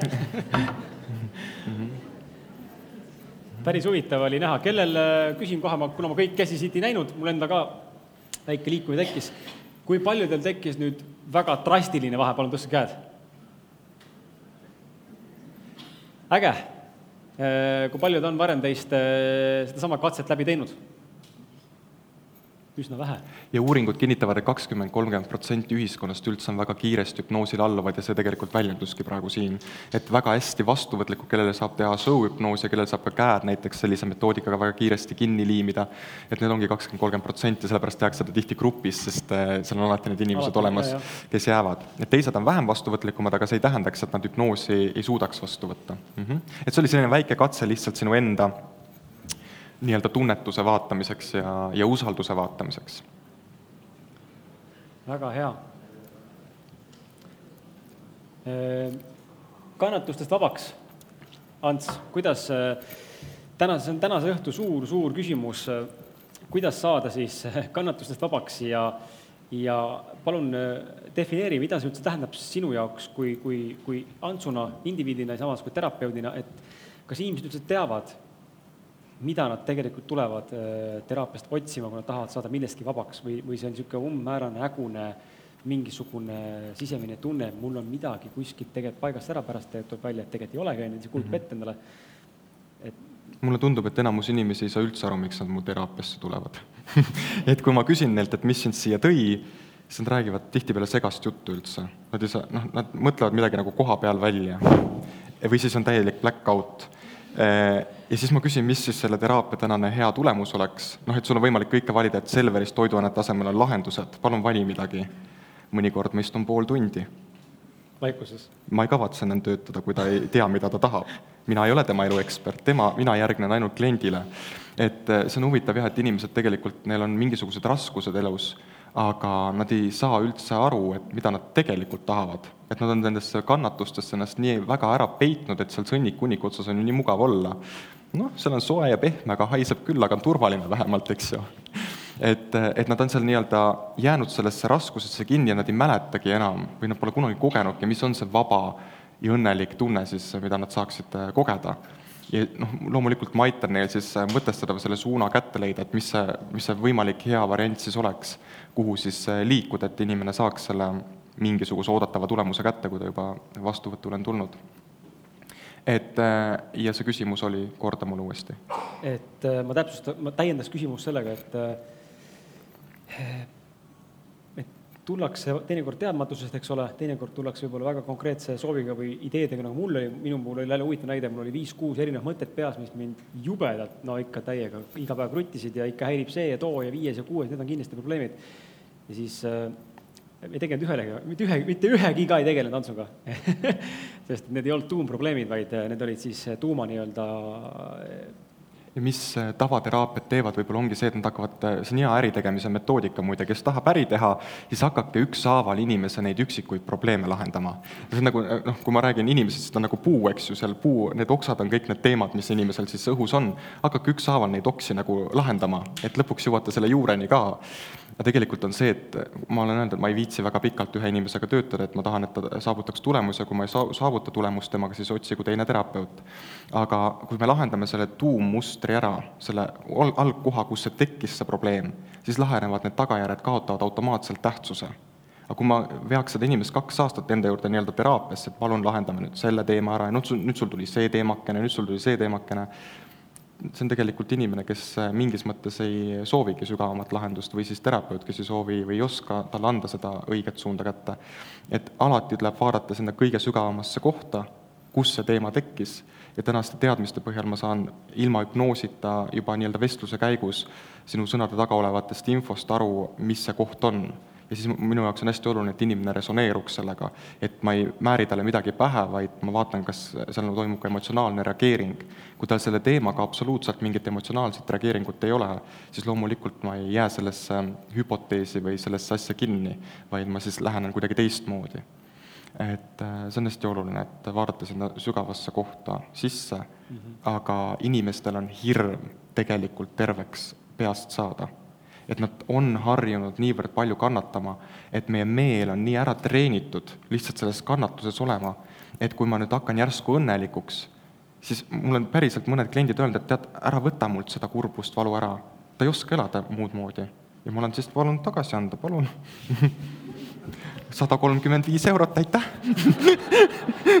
oleme õnnetud edasi et, et selles mõttes äh, on, inimesed on huvitavad jah ja teinekord, kui nad peavad eralduma, näiteks noh, mõni neljakümne, viiekümne aastane inimene pole siiamaani suutnud äh, eralduda oma emast või isast, eks ju, siiamaani on nii lojaalne, tunneb süüdi, kui oma elu elab. ja kui ma noh, hakkame siis tööle, et eralduda, siis seda draamat ja traagikat, õudne. Mind äh, pani, minu kõrvu haaras see sõna tähtsus, et me ise anname nendele asjadele tähtsuse, et see, meil on see tuum, mida me ise võib-olla tihtipeale ei näe. Mm ja nüüd need probleemid, nagu minulgi oli siin ümberringi mingi viis, kuus, seitse asja, mis ole, tundus olevat, et need on tegelikult need asjad, mis me ise nagu üle tähtsustame, kas siis äh, ehk siis tegelikult äh, need asjad, mis meile tunduvad täna probleemid, tegelikult ei olegi ju probleemid, me ise anname mhm. sellele mingisuguse tähtsuse. inimestel on vaja nii-öelda kinnitada mingisuguse probleemi külge, nad defineerivad äh, mõnikord ennast läbi probleemi, läbi selle raskuse, nad tahavad äh, seda, selle kaudu saada tähelepanu, mõnikord nad on ka energiavampiirid läbi selle, kõik energiavampiirid, kes on, nad äh, tegelikult on sisemiselt tühjad, eks ju, nad mitteteadlikult mängivadki sellist mängu, et teistelt inimestelt saada kätte seda ressurssi, et iseennast toita. Need on väga head õpetajad meil elus, väga head head õpetajad elus. et, ähm, et selles mõttes jaa, et, äh, et need inimeste peas olevad teemad, et näed, mu mees nüüd pettis ja mees on näiteks sitapea, no sellist asja ei ole olemas, et mees on noh, sina oled, võtad vastutuse selle koha peal, miks see mees sind pettis, miks see mees ei tunne ennast sinu kõrval näiteks mehena või midagi sellist mm. -hmm. seal, seal ongi nagu see noh, sa mingil määral vastasid ka, aga minu täpsustav küsimus oligi see, et miks me siis inimestena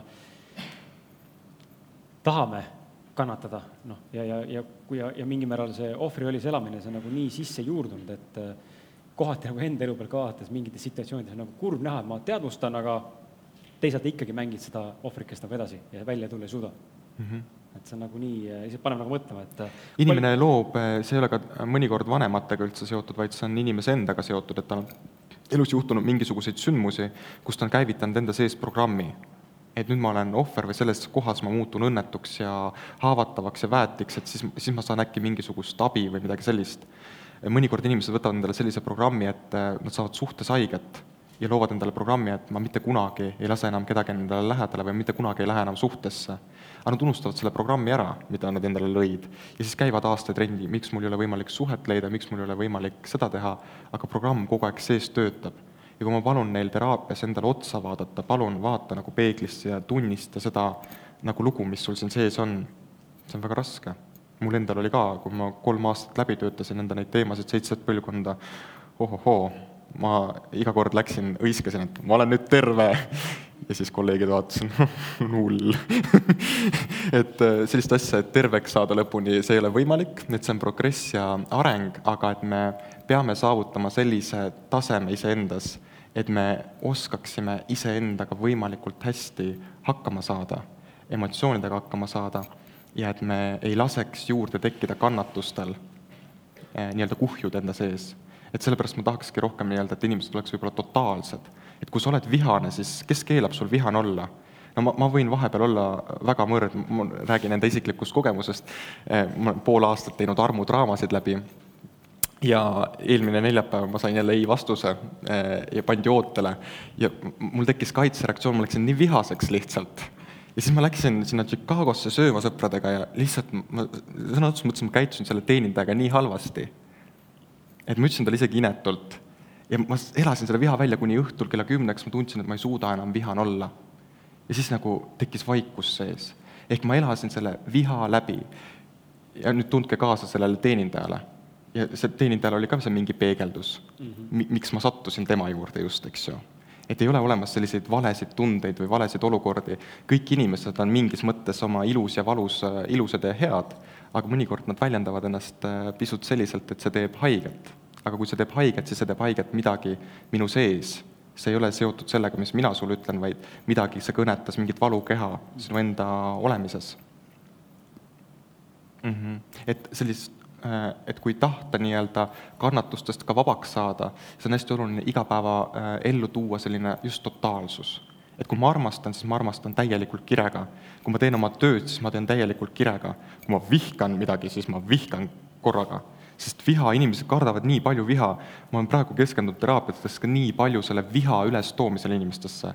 Ott Tänak ei oleks maailmameister, kui ta ei vihkaks oma isa mul on hirm lausa, mis see naine temaga teeb, ta muudab ta pehmeks, ta varsti ei saavuta midagi enam.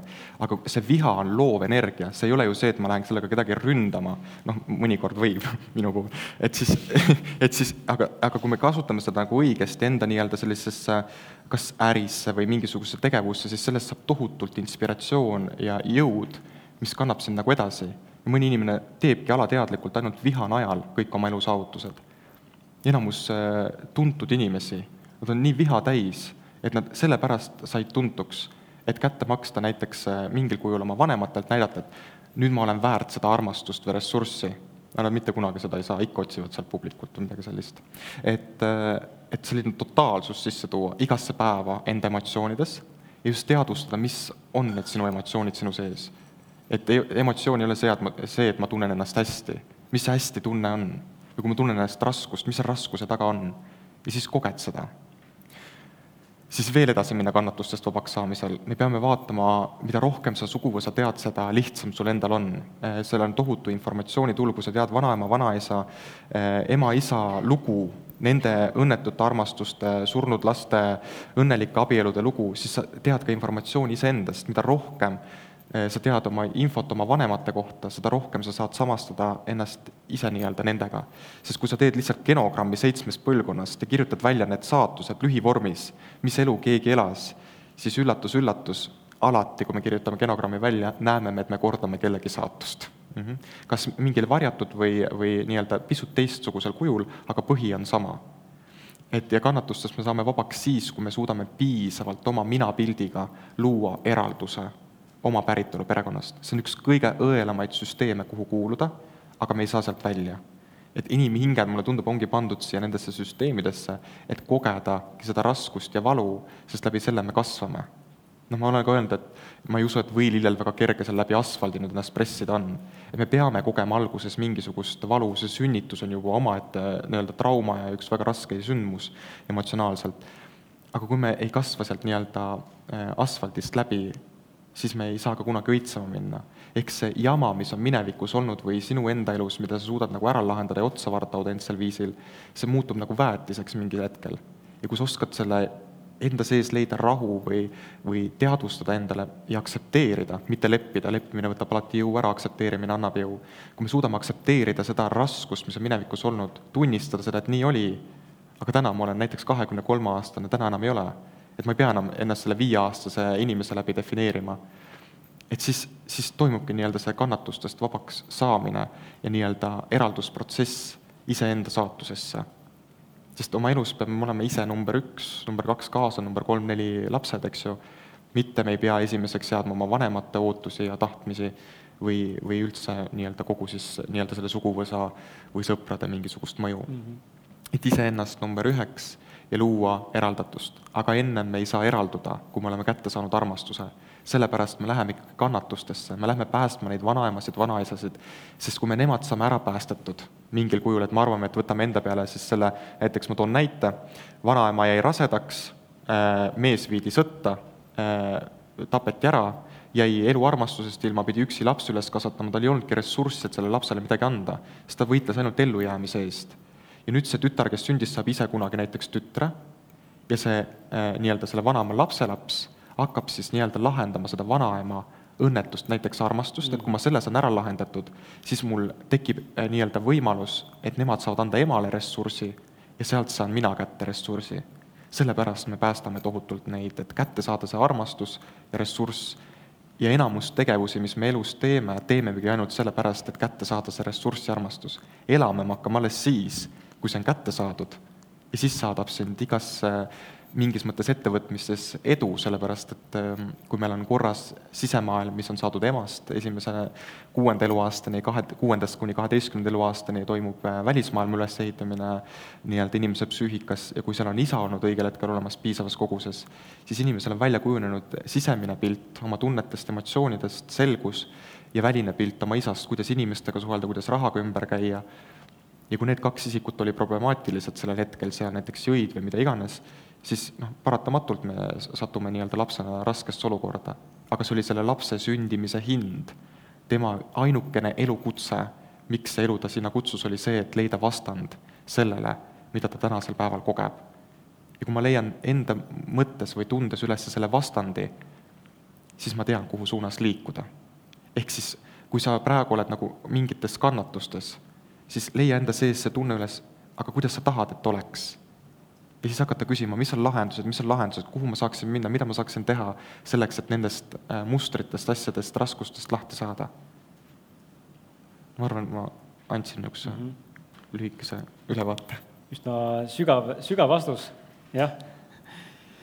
mind pani, pani küll mõtlema ja kui kellelgi tekib küsimusi, siis võib kohe käe tõsta, ma arvan Jaa, ka, et saan visata kohe et kastiga. siis äh, mhm, et ma tervet nii-öelda seda dünaamikat ära ta ette ei jõua rääkida, aga aga just ka partnerlussuhetes, ma arvan, see on oluline rääkida partnerlussuhetest ka, et miks meil suhted ei püsi ja õpiku näitel on seitse aastat suhted, eks ju, ja neljandal-viiendal aastal tavaliselt juba hakkab minema kehvasti. ma võiksin öelda, et justkui mul ei oleks õigus sellest rääkida, sellepärast et mul ei ole endal ühtegi pikaajalist suhet olnud aga miskipärast need teraapiad töötavad, et ma lähtun teooriast ja selle kolme tuhande viiesaja inimese kogemusest täna, sest äh, tähtis ei olegi võib-olla iseenda kogemust jagada, vaid ähm, läbi selle kogemuse, mis sa oled inimestelt saanud, mida sa oled näinud lihtsalt inimeste puhul. mida partnerlussuhetes tehakse, enamus partnerlussuhted ei ole ju inimeste, selle nii-öelda naise ja mehe liit üldse, vaid eh, nii-öelda nendesse partneritesse, üksteisesse on projitseeritud sisse eh, teatud eh, suguvõsa liikmed. toon siin sama näite, näiteks see vanaisa kadus ära ja mitte kunagi temast mitte keegi ei ole rääkinud, siis terve elu see nii-öelda järeltulev naine käib läbi suhted, ta proovib vanemaid, ta proovib nooremaid, ükski suhe püsima ei jää. sellepärast, et ta üritab läbi nende meeste taastada seda puuduolevat lüli suguvõsa süsteemis. see süsteem peab olema tervik, ta peab toimima ühisorganismina ja kui keegi jäetakse välja, siis järeltulevast põlvkonnast keegi peab hakkama seda taastama. Miks mõned mehed öeldakse, vabandust väljendused, litsmehed käivad ringi? Nad otsivad seda naist, keda taastada, küsimus on kohe, keda nad siis taastavad läbi oma nii-öelda nende armukeste, keda nad äh, nii-öelda otsivad siis, mida sealt nagu võtta. et ja kui me võtame need projektsioonid, suguvõsa teemad partnerlussuhtest maha, siis tegelikult on kaks äh, viisi, mis juhtub edasi. minu jaoks on see hästi ohtlik töötamise vorm, sest kui ma võtan näiteks ähm, naisel, võtan mehelt isa projektsiooni maha noh, kõik äh, pojad otsivad oma naistest ema, raudkindel, olen ainult näinud, et ema otsitakse, sest esimene armastus on poegadel ema ja selle järgi alateadvusesse siseneb nii-öelda naisest kujutlus ja tütred valivad isa järgi. Ja kui isa on olnud väga selline või ema on olnud väga problemaatiline, siis vahel võetakse ka mingid muud eeskujud, et siis õnnestub luua nii-öelda selline terviklik suhe, aga kui seal on emal-isal oma suhtes jäänud asjad lahendamata, siis äh, just vanem laps võtab selle rolli, et ta siis läbi oma suhte lahendab selle vanemate teema ära. ehk siis projitseerib oma mehesse või naisesse selle ema või isa ja siis hakkab üks jant pihta. tegelikult kumbki ei saa aru, miks need tülid või pinged kogu aeg õhus tekivad. kui äh, suguvõsas on mehed väga palju reetnud mingil põhjusel oma naisi, siis äh, naised justkui koonduvad suguvõsas justkui ühisrindele, et nad mitte kunagi enam mehi ei usalda ja nendel naistel ei kesta pikalt suhted, sest ähm, nad panevad nii-öelda mehe äh, naise rolli. ehk siis võtaks, teeks näite, füüsilise näite, et te saaksite aru, tulge, tule sina mm. -hmm. Mm -hmm. ja võtame mingi mehe ka, tule sina mm. -hmm. Mm -hmm. ja tule sina ka prillidega mm. -hmm. Mm -hmm. ma panen teid siia mm. -hmm. seiske kõrvuti mm. -hmm see on klassikaline mehe-naise pilt. naine on alati paremal pool, teie poolt vaadates ka siis paremal pool, mees on vasakul pool. nii on meid loodud. mees esindab välismaailma, ehk siis seda, mis nii-öelda toimub väljaspool. mehed käisid küttimas, nad pidid koju tooma süüa, see on selline ar-, arhailine võib-olla ettekujutus äh, partnerlussuhtest, aga süsteem niimoodi toimib. kui siin on naine ja oskab teda kavalalt juhtida, on oma naiselikkuses ehk vastutab eelkõige selle eest, mis toimub koduses õhkkonnas äh, ja naine järgneb alati mehele, sellepärast öeldakse, et mees on, või naine on mehe krae, eks ju. et ta suunab oma mehe kaela täpselt sinna suunas, kuhu vaja on, kavalusega, mitte ei võta tal kohta ära. aga mis juhtub nendes äh, suguvõsa dünaamikates, kus äh, naisi on väga palju reedetud või on saadud äh, haiget, naine teeb sellise lükke ja see on ainult naisel on selline võim, ilmselt sellepärast, et talle on antud mingi suurem vägi kaasa, sest ta peab sünnitama elus. mehel seda vaenlike jõudu ei ole. ja siis naine teeb sellise lükke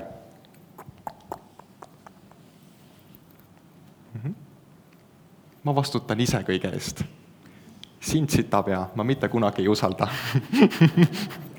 ja siis ta paneb äh, mehe siia naise, äh, mehe-naise rolli ja sellel hetkel, paari aasta möödudes, kui selline armumisfaas on läbi, hakkab mees tundma raskust. ja selline asi toimub ka nendes suhetes, kus mees kolib naise juurde, naise juurde mitte kunagi mees ei tohi kolida. mees ei leia seal kohta lihtsalt enda jaoks. ja kui mees on pandud naise koha peale mingil X põhjusel ja naine on mehe koha peal, siis naine seitsmendaks suhtaastaseks, aga neljandal-viiendal aastal tal on jumala kopp ees. noh, need on need kartulid, millest see kartul-apelsin saade rääkis, eks ju. Nad on niisugused äriinimesed, nad tahavad kõigest ise vastutada, meest nad väga ei usalda, lapsed on ka nende hallata kõik, et mees on lihtsalt selline asi, kes peab vahepeal olemas olema. aga neil kaob siin ära seksuaalsus. ja siis mees mõtleb, ahaa, naine on kõrval kartul. ja siis tule sina, apelsin tuleb siia kõrvale keegi kolmas, kes on kaunis, kes on ilus, kes särab ja mees hakkab ennast kohe tundma mehena, silmad lähevad särama. käib korra, möllab ära ja siis läheb oma kartuli juurde tagasi mm. -hmm. Kui naine ei ole valmis laskma lahti usaldamatusest mehe suhtes, siis minu pärast on okei okay,, et vahepeal mehel on siin armuke, mitte mehi üldse, mitte seda propageerides praegu. aga kui naine on sellise rolli võtnud ja ta endas mitte midagi muuta ei taha, siis ta on väärt sellist meest. iga partnerlussuhe, iga mees ja naine on üksteist väärt, isegi kui mees on psühhopaat siis uskuge mind, see naine on alati samasugune mingil tasandil. Et ta teeb mingisugust raskust endaga läbi ja siis nii-öelda tekib siin nii-öelda kolmnurk nendest inimestest. mees, kes vahepeal saab siin selle apelsiniga selle mehetunde kätte, siis ta tuleb siia koju, mingi aja pärast jälle hakkab nii-öelda tundma sellist raskust endal, võib-olla hakkab isegi jooma, siin alkoholism alati süveneb selle koha peal. ja siis käib jälle sinna apelsini juures, et selline näide, mis, mis toimub partnerlussuhetes. teine asi võtaks veel siit, äh, ma loodan, et see näidete tegemine on okei okay praegu, et teil olid piltlikud, tule sina ka mm. -hmm. ja tule sina ka mm. -hmm. Mm -hmm. Mm -hmm. Mm -hmm. ma panen teid nüüd partneriteks ette mm. -hmm. Mm -hmm. Te olete nüüd ema ja isa äh,, naise ema ja isa, vahetage kohad ka ära õiget, õigesti mm. -hmm. igasse partnerlussuhtesse me läheme bussitäis rahvaga meil on terve hunnik inimesi kaasas, kes meiega tulevad sinna kaasa, need on kaks põhiisikut siin. Nad tulevad hästi varjatult ja salakavalalt. sest kui need kaks siin armuvad, siis armuvad nad mingil põhjusel. Nende taustsüsteemid peavad olema sarnased, mis tähendab seda, et ema-isa, vanaema, vanaisa lugu peab olema sarnane. kui suguvõsas ühel pool on surnud lapsed, siis teisel peab, teisel poole peal peavad ka raudselt olema mingisugusel kujul surnud lapsi. ja kui, kui need partnerid saavad kokku ja näiteks sellel naisel siin on olnud äh, isa, kes pole talle tähelepanu pööranud või on teda reetnud korduvalt, siis teeb ta sellise asja, et ta ei hakka oma meest nägema mind äh, mehena, vaid ta projitseerib oma mehesse isa. ja ta hakkab nägema läbi isa seda meest. ja siis ta hakkab talle kätte maksma, sest otse ei saa viha tunda isa vastu, aga mehe vastu ju saab ma teen siia projektsiooni ja kui mees võtab selle vastu, selle nimetatakse psühholoogilise terminiga tele, kui see tele on nii-öelda vastu toimunud, vastu võetud, siis tegelikult alateadlikult hakkab see naine nägema oma mehes isa. ja tavaliselt sellised naised võtavad seitse aastat vanema mehe endale. kui on juba kuus-seitse aastat vanusevahe, siis me alati võtame endale kas ema või siis eh, isa suhtesse. seitse aastat jälle läbi mm. -hmm ja mõnikord kannatatakse kauem, sellepärast et inimestele meeldib kannatada. ja mõnikord kestabki suhe ainult nii kaua, kuni on konflikt ja tüli. Ja kui see otsa saab, siis aju enam endrofiile ei tooda, lõbu läbi. Ja nüüd ta nägi selles mehes oma isa, hakkab talle kätte maksma, teeb seda viha läbi siin tohutult, hävitab selle suhte ära. Ja nüüd, kui ta tuleb teraapiasse, ütleb, et ta mees äh, petab teda või käib teistes naistes või, või miks mul mehe vastu on, miks ma irisen ta kallal kogu aeg siis juhtub selline asi, et kui ma näitan talle ära selle dünaamika, kus ta parasjagu sees on ja kui ma võtan sellest mehest välja selle isa osa, ehk siis jääb ainult sinu mees, siis on kaks varianti. kas ta ei tunne tema vastu mitte midagi, sest ta läks partnerlussuhtesse, et leida oma isa või keegi surnud, kadunud sugulane, või siis tekib suur armastus. tõeline partnerlussuhe ja tõeline armastus saab tekkida ainult siis, kui meil projektsioonid on maha võetud mõlemalt poolt siis saab tekkida selline puhas, kerge ja ilma egota armastus.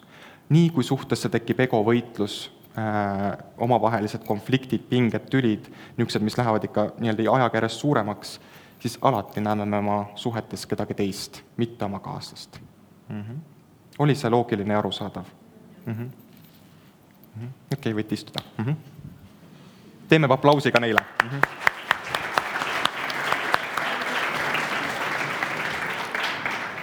Sa, Ants, võtsid kohe noore poisi sinna juurde, aga temaga ei olnud mingit näidet. no Aha. nii, no nii, vahele jäi üks. ohohoo, need on need välja jäetud sugulased teeme ühe vaheküsimuse. jälle seesama asi on siin, tõsta käsi, kui tahad vastata ja ma tulen loobin. mit-, noh, ei ole mitu saadet enam täna, tahtsin sama küsimust korrata, oota. Kes oskab öelda, milline on täna see nii veel jäädavalt ausad meeste podcasti enim kuulatud saade, käsi püsti? Epp Kärsin see on. ma ütlen, seks läheb peale, see alati seks müüb. peale. ja onu, onu Martin äh, saab siit selle. kohe näha, mis saadet härra ma kuulab. vaatasin su seda saadet, kus sa käisid seda, mis see oli, mis see oli, see saade, mis ta tegi? Mida mida vanemad vanem- sulle ei rääkinud. mulle on alati meeldinud teha psühholoogilisi profiile inimestele ja eriti saatejuhtidele, kui nad endast räägivad. ohohoo, vabandust. võid jagada. ei no ta ütles ju kõik ise ära. ja, ja absoluutselt. tema, kui ta seksiga ei tegeleks, siis see naine läheks ilmselt hulluks. seks on üks äh, ainukesemaid äh, maandusi traumatiseeritud inimeste puhul, inimesed, kes vajavad väga palju seksi ja kogu aeg räägivad sellest äh, üle, ülemäära mm, -hmm. siis need inimesed on ülitraumatiseeritud ja selle kaudu nad maandavad endal seda energiat ja seda nii-öelda pinget, mis neil kogu aeg sees on, ärevust. et see on nende viis, kui nad alkoholi ja narkotsi ei saa panna, siis nad äh, hakkavad hullult seksima. väga huvitav.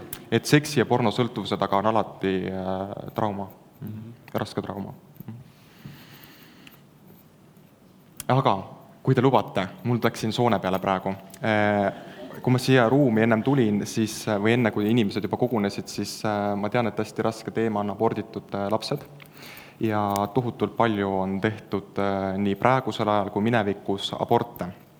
ja miks inimesed mõnikord läbi põlevad, mul on endal see dünaamika olnud, selline läbi ela-, läbipõlemisdünaamika, ehk kui on suguvõsas olnud palju aborte või varajases eas surnud lapsi mingil põhjusel, siis järeltulevates põlvedes tekib süütunne, süütunne elamise ees.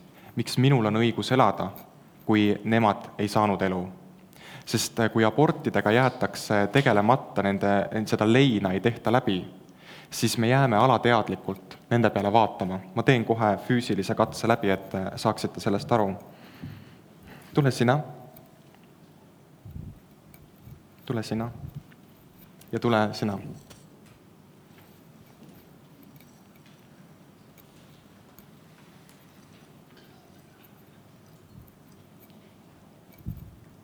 tule sina ka. teeme jälle selle ema-isa mängu, rollimängu. nii, said kokku kaks kaaslast. no olid noored, armunud, naisel oli pea segamini, mees ei suutnud ka veel vastutada, oli noorekene teine. joh, õnnestus, ei olnud raha kondoomi jaoks, juhtus selline lapsukene siin. mul on kahju, sind on tapetud, sa oled aborditud laps nüüd see naine jätab selle mehe maha võib-olla, meestel ei teki nii palju sidet aborditud lastega ja üldse seksuaalsusest eh, tingitud sidemeid, naised on sellised, kes eh, ka-, kannavad endas kaasas kõike seda raskust. ja nüüd leiame uue mehe, tule sina mm. -hmm. leiad endale sellise küpse härrasmehe mm, -hmm. nii, sina, sina lähed ära mm. -hmm. ja saate päris lapse mm. -hmm saategi anda täitsa elu täitsa toredale tütrele. aga tema vaeseke on juba välja jäetud, vaata, ta juba läks ise minema tüüpiline nähe. ehk tema unustatakse siin ära. ja siis pannakse see elu saanud laps surnud lapse koha peale. sest laps liigub alati sinna, kuhu läheb vanemate tähelepanu, ehk silmavaade näitab seda, kuhu antakse edasi ressurss ja kui nüüd ema tavaliselt jääb vaatama ja ta, ta ei tee üldjuhul seda traumat ja raskust leina läbi, siis jääb ta alateadlikult alati selle peale vaatama. tunneb eh, mingit kurbust ja valu terve oma elu. ja nüüd saab see elus laps elu ja läheb tema koha peale. mis saatus seal ootab sind? mis energiasse sa lähed? miks lapsed on noores eas kõik haiged, tähelepanuhäirete ja kõige muuga? Autism on selle üks põhjustajatest või põhjusi, kui laps on äh, surnud inimesega seotud. kui seal on mitu surnud last, mida üks laps peab äh, siis taastama, siis see tähendab lapse surma. minu enda suguvõsas on see dünaamika sees, kus äh, teatud arv aborte läks ühe lapse peale kandmiseks ja ta, ta lahkus mm. -hmm. et äh, kui laps läheb surnud lapse koha peale, siis äh, kaks varianti on, kas ta jääb sinna ja teda saab terve hunnik haigusi, terve elu süütunne, et ta elab, sest miks minul on õigus elada, kui tema on surnud, sest alateadlik side on alati õdede-vendade vahel olemas. ja siis on vaja teha kontekstieraldus, ehk siis emal on vaja anda sellele aborditud lapsele koht, seda võimalik siis äh, nii-öelda kujundite abil, näiteks padja abil teha, ja anda siis elusale lapsele koht ja öelda välja, mul on kahju, aga ma tapsin su, sest nii on. ja suguvõsa annab selle andeks, kui see on tehtud põhjendatult. suguvõsa on nõus aktsepteerima seda, kui äh, naine tunnistab üles, et ta tappis ta, aga ainult sellisel juhul, kui naise enda saatus või elu oleks selle tõttu ohtu seadnud. kui ta on lihtsalt selline, kes äh, käib ringi ja tal oleks tegelikult ressurss olemas seda last kasvatada ja ta lihtsalt heas peas tapab neid lapsi siis neljandast abordist naise psüühika jäädavalt saab kahjustatud. ja seda ei ole võimalik tagasi muuta. seda on kliinilised uuringud kinnitanud. ehk siis ma väga soovitan äh, läbi töötada enda abordid ja ka ära kukkunud lapsed, sest sellest hetkest, kui see laps saab äh, äh, nii-öelda eostatud, sellest hetkest on tal koht ka peresüsteemis. ja nad on alati olemas ja ema roll on anda siis hea koht talle oma südamest, selle kaudu saavad nad alati edasi elada. et need kohad peaks läbi töötama, et äh, pärislastele anda pärislaste kohad ja surnud lastele siis ka kohad. sest sina olid ennem, tema tuli teisena mm. -hmm. sa ei saa kuidagi esimene olla, mul on kahju okei okay,, võite istuda, aitäh. teeme aplausi mm. -hmm.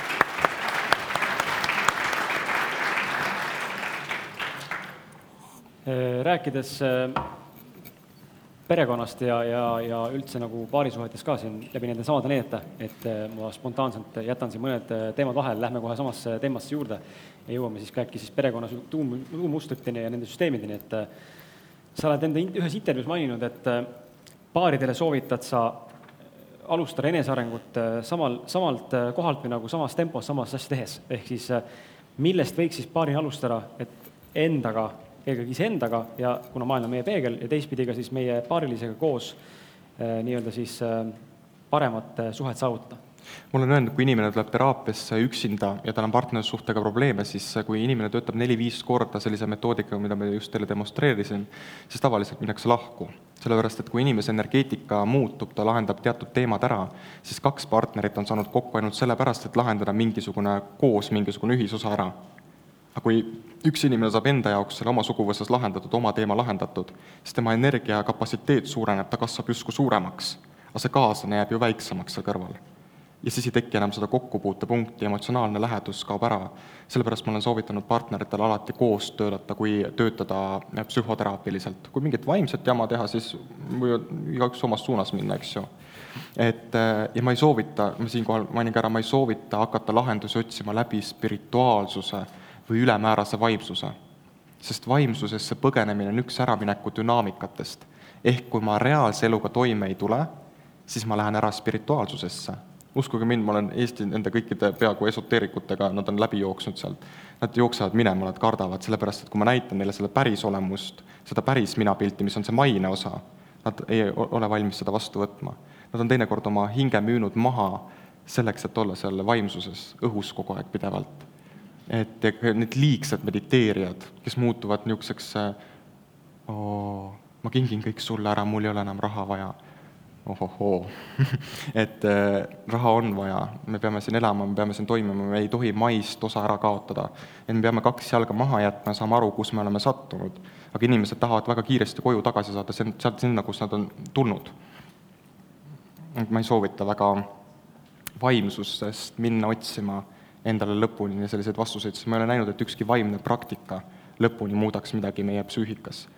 Mm, Osso äh, on erand, ma arvan, et Osso aktiivsed meditatsioonid on üks äh, geniaalsemaid asju, mida on äh, välja töötatud just sellise meditatsiooni poole pealt. et kui lihtsalt me oleme pikali maas ja kuulame mingit ilusat juttu, siis väga palju midagi ei muutu, energiat ju ei liigu. aga kui me toome sinna füüsilise keha liikumise kaasa, siis hakkavad kõik traumad, kõik raskus hakkab vabanema. ja selle tulemusena, kui me saame vabanetud ja millegi uuega ennast täidetud, selle tulemusena tekib ka eraldus mingitest teemadest.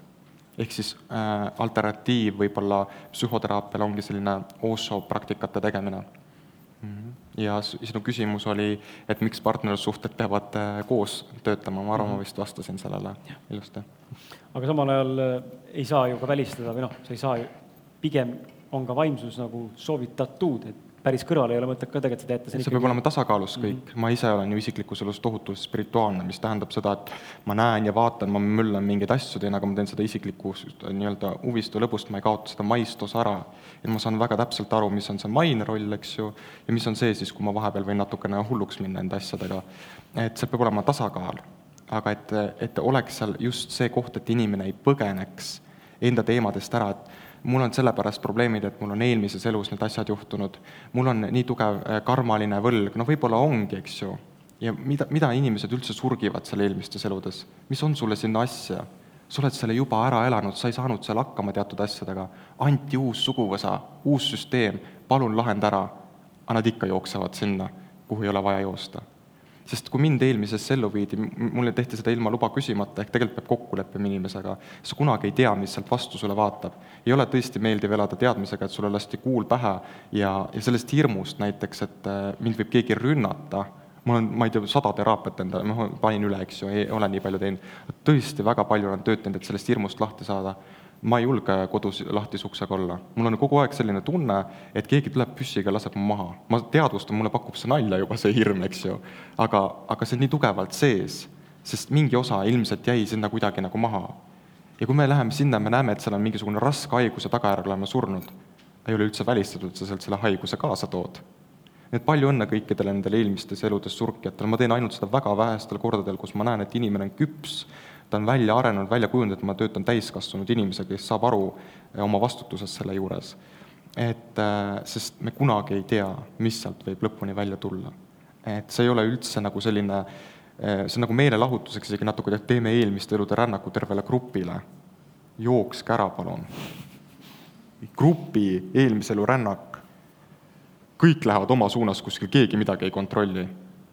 inimeste hingeosad pillutakse laiali mm. -hmm et äh, kõik, mis juhtub meil selles elus, kõik raskused, mis meil on selles elus, saab lahendada ära selle elu kaudu.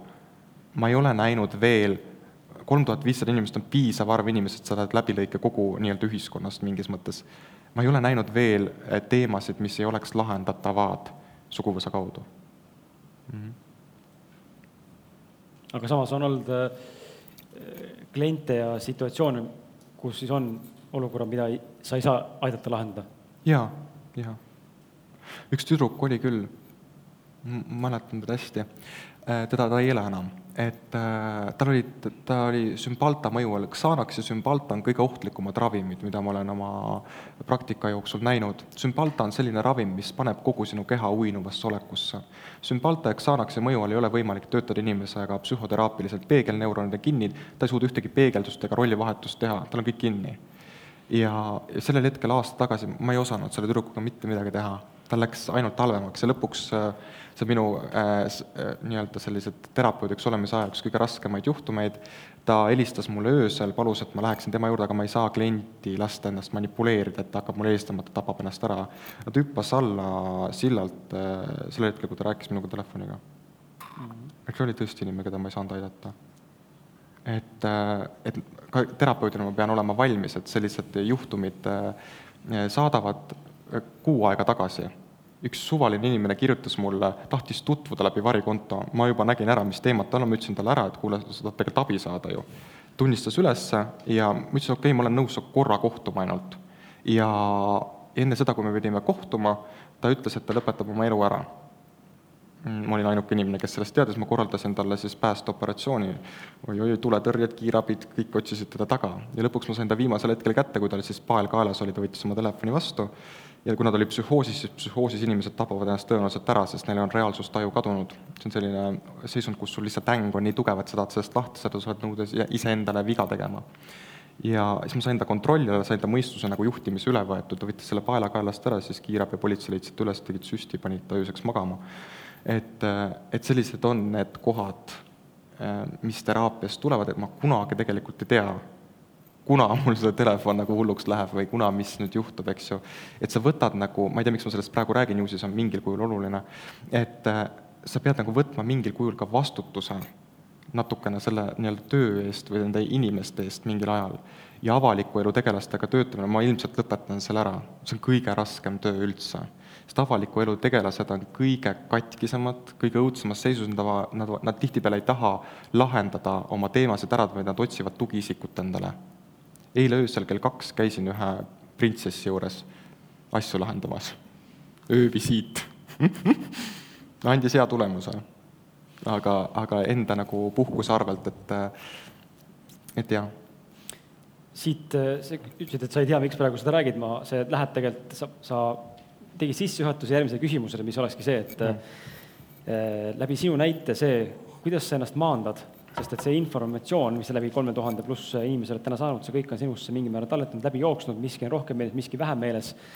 mul ei ole tegelikult ükski lugu väga meeles, ma ei mäleta täna, ma tegin täna hommikul kaks teraapiat kiiresti, ma ei mäleta, mis nende sisu näiteks praegu oli kui inimene tuleb mulle näiteks kuu aja pärast või kahe kuu pärast, mul on vahepeal üle saja inimese käinud kuskil, siis ma ju tõesti ei mäleta seda lugu, aga kui ta hakkab rääkima, mul tuleb kuskilt meelde see lugu mm. -hmm. et ma ei võta terapeudina neid lugusid sealt teraapiaruumist kaasa, et kõik küsivad, kuidas ennast maandad või maha laed, mul ei ole sellist asja tegelikult väga palju vaja. mul on vaja head seltskonda või siis üksi metsas olemist, et sellist taastumisaega lihtsalt ma olen öelnud alati, et minu jaoks on raske see, et mul on liiga palju inimesi ümber, kellel on liiga palju probleeme, mida nad mitte kunagi lahendada ei taha, aga nad tahavad kurta. ja nad kakskümmend neli seitse, kui see inimene nagu tuttavaks sinuga saanud, siis nad arvavad justkui, et sa, et nad mhm. võivad sulle kogu aeg nagu helistada ja, ja küsida abi, et ja ühel hetkel siis sa pead iseennast kaitsma, et sa pead olema natukene selline õel võib-olla et luua seda distantsi või sellise ülbe kuvandi natukene jätma, et igasugused ei kleepuks sulle ligi ja üldse mitte ülbuses seda rääkides, sest tõesti, see mingil hetkel läks nii hulluks, et äh, ma ei tulnud enam iseendaga toime, sest nad nagu piirasid mu niimoodi ümber, mina ise lasin, ise läksin sinna nagu keerisesse sisse ja sealt nagu välja tulek oli kuradi moroska. aga kas sellesama sinu äh, mida saaks täna siin äh, saalis olevatele inimestele ja, ja kodus kuulavatele inimestele siis nagu soovitada, kui neil on ka äh, mis iganes, see ei pea olema kellegi teise mure, aga kuna seda teiste inimeste infot meie ümber on nii palju, et mismoodi ennast siis eemaldada inimestest, kes meile kuidagi negatiivselt mõjuvad või, või, või nende kohalolu on eba, eba, ebameeldiv meie jaoks, et mismoodi ennast siis kaitsta või kuidas seda tasakaalu leida siis? kõigepealt inimesed äh, on julmad, nad tahavad kolmnurgastada sind. toon näite, näiteks sul on naisega tüli sa küsid minu käest nõu. ma annan sulle nõu, sa kommunikeerid äh, selle naisele välja, teie lahendate omavahel äh, nii-öelda probleemi ära, aga teete mind süüdlaseks. ehtne kolmnurgastamine. sõbrannad klatsivad mingit asja, räägivad kolmandale isikule, siis need omavahel lepivad ära, tõmmatakse kolmas süüdlaseks ehk mida rohkem me laseme iseennast kolmnurgastada sellistest teemadest, seda raskemaks meil endal läheb. et me peame aru saama, kuna me läheme, kas on vaja sekkuda sõbrana või lihtsalt lasta inimesel siis ära rääkida see teema ja vaadata seda kaastundega. aga kui sa tahad ise väga sinna sekkuda, lahendada, mis ei ole üldse sinu asi, siis sa automaatselt kolmnurgastad ja põhjustad endale kannatusi mm. -hmm. ehk siis äh, äh, ja kuidas nendest eralduda, väga konkreetselt selles mõttes ma olen ise selles mõttes hästi konkreetne, et kui mul ikkagi inimene ei meeldi, ma tunnen, et tekitab mul raskust, siis ma kommunikeerin selle üsna konkreetselt talle välja et äh, öeldagi ära, et tead, mulle ei sobi, miski tekitab nagu raskust. et oled, sa oled aus lihtsalt, kui see temas tekitab mingit solvumist või pettumust, siis see on tema enda mure mm. -hmm. Mm. kas kellelgi on äh, vahepeal tekkinud soov küsida äkki midagi? vaba, üks käsi tuli, viskan sulle mikri, äh, siis läheb õnneks ja saad siia mikrofoni otse rääkida et enne oli juttu sellest, et, et vaimsusega minnakse siit maailmast rohkem ära, et ei olda kohal, oled, ometi räägivad vaimse, vaimsed õpetajad sellest, et kohalolu siin ja praegu on oluline. et äh, huvitav oleks teada seda kommentaari ja et äh, kes, mis on valgustunud inimene sinu jaoks valgustub. no see on väga imelik mõiste, aga sellest Kohal räägitakse palju. Eh, vaimsusse äraminek ja ärakadumine ei ole seotud otseselt ähm, kohaloluga. kohalolu me saavutame selliselt, kui me oleme saanud oma mõistuse üle kontrolli. See ei tähenda seda, et inimene peab hakkama väga hullusti vaimsuseks, igasugune vaimsus ja spirituaalsus on inimese enda sisemine, eks ju, tegevus. ükskõik, mida ta siis ei tee, see kogu hing on spirituaalne et kohalolu me saavutame eelkõige, ma arvan, selliselt, kui me õpime vaigistama oma mõtteid ja saame aru, miks, mis see ülemõtlemine on, mis meie sees toimub, need on samad dünaamikad, mida ma siin ennem juba välja tõin. ja kui rääkida valgustumisest, siis äh, ma arvan, et see ei ole füüsilises kehas võimalik, ma arvan, Toosso oli lähedal valgustumisele. aga see tähendaks seda, kui me räägime spirituaalsusest, et siis me peaksime suutma erinevate dimensioonide vahel liikuda ja teleporteeruda noh, ma ei usu, et see on võimalik, me saavutame küll valgustumisel, isegi on seal nii-öelda tehtud uuringud, et siin on mingisugused vasaku ja parema ajupoolkera vahel on üks mingisugune närvikiud, mis valgustumise korral nii-öelda kaob ära või nii-öelda justkui lõigatakse läbi. Et inimene ei, ei tunnegi sellist äh, enam negatiivset emotsiooni, et see tume pool on niivõrd helgeks tehtud, et tal ongi ainult üks olemus et kui inimesel muidu on selline tume ja hele pool, siis ma näen, et valgustunud inimene ongi selline üdini helgust täis, et on oma teemad ära lahendanud, piisavalt eraldunud ja, ja saavutanud sellise kõrgema kohalolu taseme. ja ma ei arva, et me peaksime liikuma äh, siin väga palju kõik sinna valgustumise poole. Elu on tunduvalt ka värvikam, kui me laseme endal vahel äh, tunda kurbust ja valu, armastust, pettumust sest igas valus ja igas äh, kurbuses on tegelikult oma varjatud ilu, mida tuleb õppida lihtsalt äh, nägema ja kogema. ja mõnikord peame me kogema valu ja kurbust väga palju, selleks et me lõpuks hakkaksime nägema ka seda ilusat poolt sellest. ja kui me sellel hetkel saame aru oma negatiivsetest tunnetest, sellest ilust selle sees, siis tegelikult kaovad kannatused mingis mõttes ära. tekib vaikus ja rahu, isegi kui on rasked tunded ma ei tea, kas ma vastasin sellele küsimusele, kas ma vastasin su küsimusele? Mhm. okei, aitäh sulle ma vabandan oma konkreetsust ja otsekohesust või võib-olla selline ülbe arrogantne natukene, aga, aga lihtsalt ma ise mõtlen nii, et ma ei saa midagi muud, ma ei taha olla keegi, kes ma vist ei ole. Ja kui rääkida ka, kes, kes inimene on, väga paljud küsivad, et kes ma siis olen või, või mis eesmärke ma peaksin elus seadma ma ei saa inimest või ma ei us-, ma ei usu, et inimest saab üldse defineerida, et kes ta on, ta paneks ennast kuskile raami sisse, siis ma, ma olen korteris sissemaksuraha raiskanud reaalselt enesearengusse, et teada, kes ma olen. siiamaani ei tea, iga päev üllatan iseennast. et, et ma ei tea kuhugi, kuna, kuhu ma liigun, mul sõbrad ütlevad, et see Ants on täiesti nagu hull selles mõttes, et ta tuleb ühel päeval, ta võib sul tantsida laua peal ja teine päev ta tuleb äh, täiesti sellise konkreetse, võib-olla isegi tundub niisuguse süngena, et need on need erinevad osad meis, mida me peame tunnistama, minu jaoks oli hästi raske võtta vastu iseenda erinevaid osasid. see ajas mind tohutult segaseks, sest ei ole noh, mul ei olnud kerge lihtsalt see, et kui ma näen, kui ma lähen kuskile ühiskonnagruppidesse, siis ma tajun seda energeetikat, ma olen hästi tundlik, et siis mul oli nagu raske sellega nagu toime tulla. ja ainukene viis, kuidas mina oskasin juba lapsena sellega toime tulla, oli panna emotsioonid võimalikult palju lukku, ehitada enda ümber nagu seinad. ja siis kõik mu kolleegid rääkisid sellest, et Ants, sa oled nii kuidagi noh, ülbe või arrogantne või ei suhestu teistega või selliselt, aga mul oli tunne, et ma ei saa nagu seda kaitset maha lasta. Ja siis, kui ma ühel hetkel äh, lubasin endal olla siis õrn ja haavatav, lasin selle kaitse maha, see oli hullumaja, ma mitte kunagi seda enam ei tee selliselt. mul on küll emotsioonid ja tunded aktiivsed, ma tajun neid, aga ma kai-, ma ei lähe ennast kunagi niimoodi avasüli lahti tõmbama ja, ja avali nii-öelda kõigi ette haavatavana ja, ja kaitsetuna, sellepärast et ähm, ma avastasin, et ma hakkan kohe võtma haavatava või kaitsvana, kaitseta olekus inimeste jaoks neid rolle, mida nad tahavad saada minust. et nad ei näe seal Antsu, vaid nad näevad kedagi teist. üks perekond, äh, ma mäletan, Kirsti raamatu esitlusel eelmine aasta tuli minu juurde, ütles, issand, meie kadunud vend, mina kohe süsteemselt mõtlen, keda nad nüüd otsivad, eks ju. tuligi välja, kahekümne kahe aastane surnud vend oli neil süsteemis sees kui ma võtsin selle projektsiooni maha, sellest hetkest alates nad pole mulle kadunud vend enam öelnud et äh, kui ma olen avatud, liiga avatud inimestele äh, oma tõelise sellise pehme olemusega ja ma ei saa ka öelda, et see on ainult nüüd see tõeline olemus, siis ma võtan liiga palju neid projektsioone vastu ja mm, ma pean pidevalt siis jälgima seda, et kes mu ümber on, et see peab hästi kvaliteetne seltskond sellisel juhul olema, kes on endaga paigas. Aga meil peaks olema mingisugune ego kaitse endal juures, et kui spirituaalsed tehnikad räägivad, et et loobuge oma egost ja, ja, ja pange pärjad pähe ja jookske ümber lõkke, siis äh, palun ärge tehke seda, kui te ei ole valmis minema täitsa sügavuti vaimsusesse ja ennast eraldama muust ühiskonnast. kui sa tahad tavaühiskonnas normaalselt toimida, siis sa pead hoidma teatavat egovormi iseendas. ego on ei lasta öelda, näed ego on kaitse, küps kaitsesüsteem sinu minapildile. palun ärge loobuge sellest. on eh, nii-öelda superego, eh, superkaitsesüsteemid, mis on teatavate sündmuste tagajärjel tekkinud, aga neid saab natukene pehmendada. aga mitte kunagi ma ei soovita loobuda inimestel oma egost, see on mingis mõttes loobumine oma minapildist ja see viib väga ohtlikusse kohta viia, see on täpselt need inimesed, kes on vaimsusega üle pannud.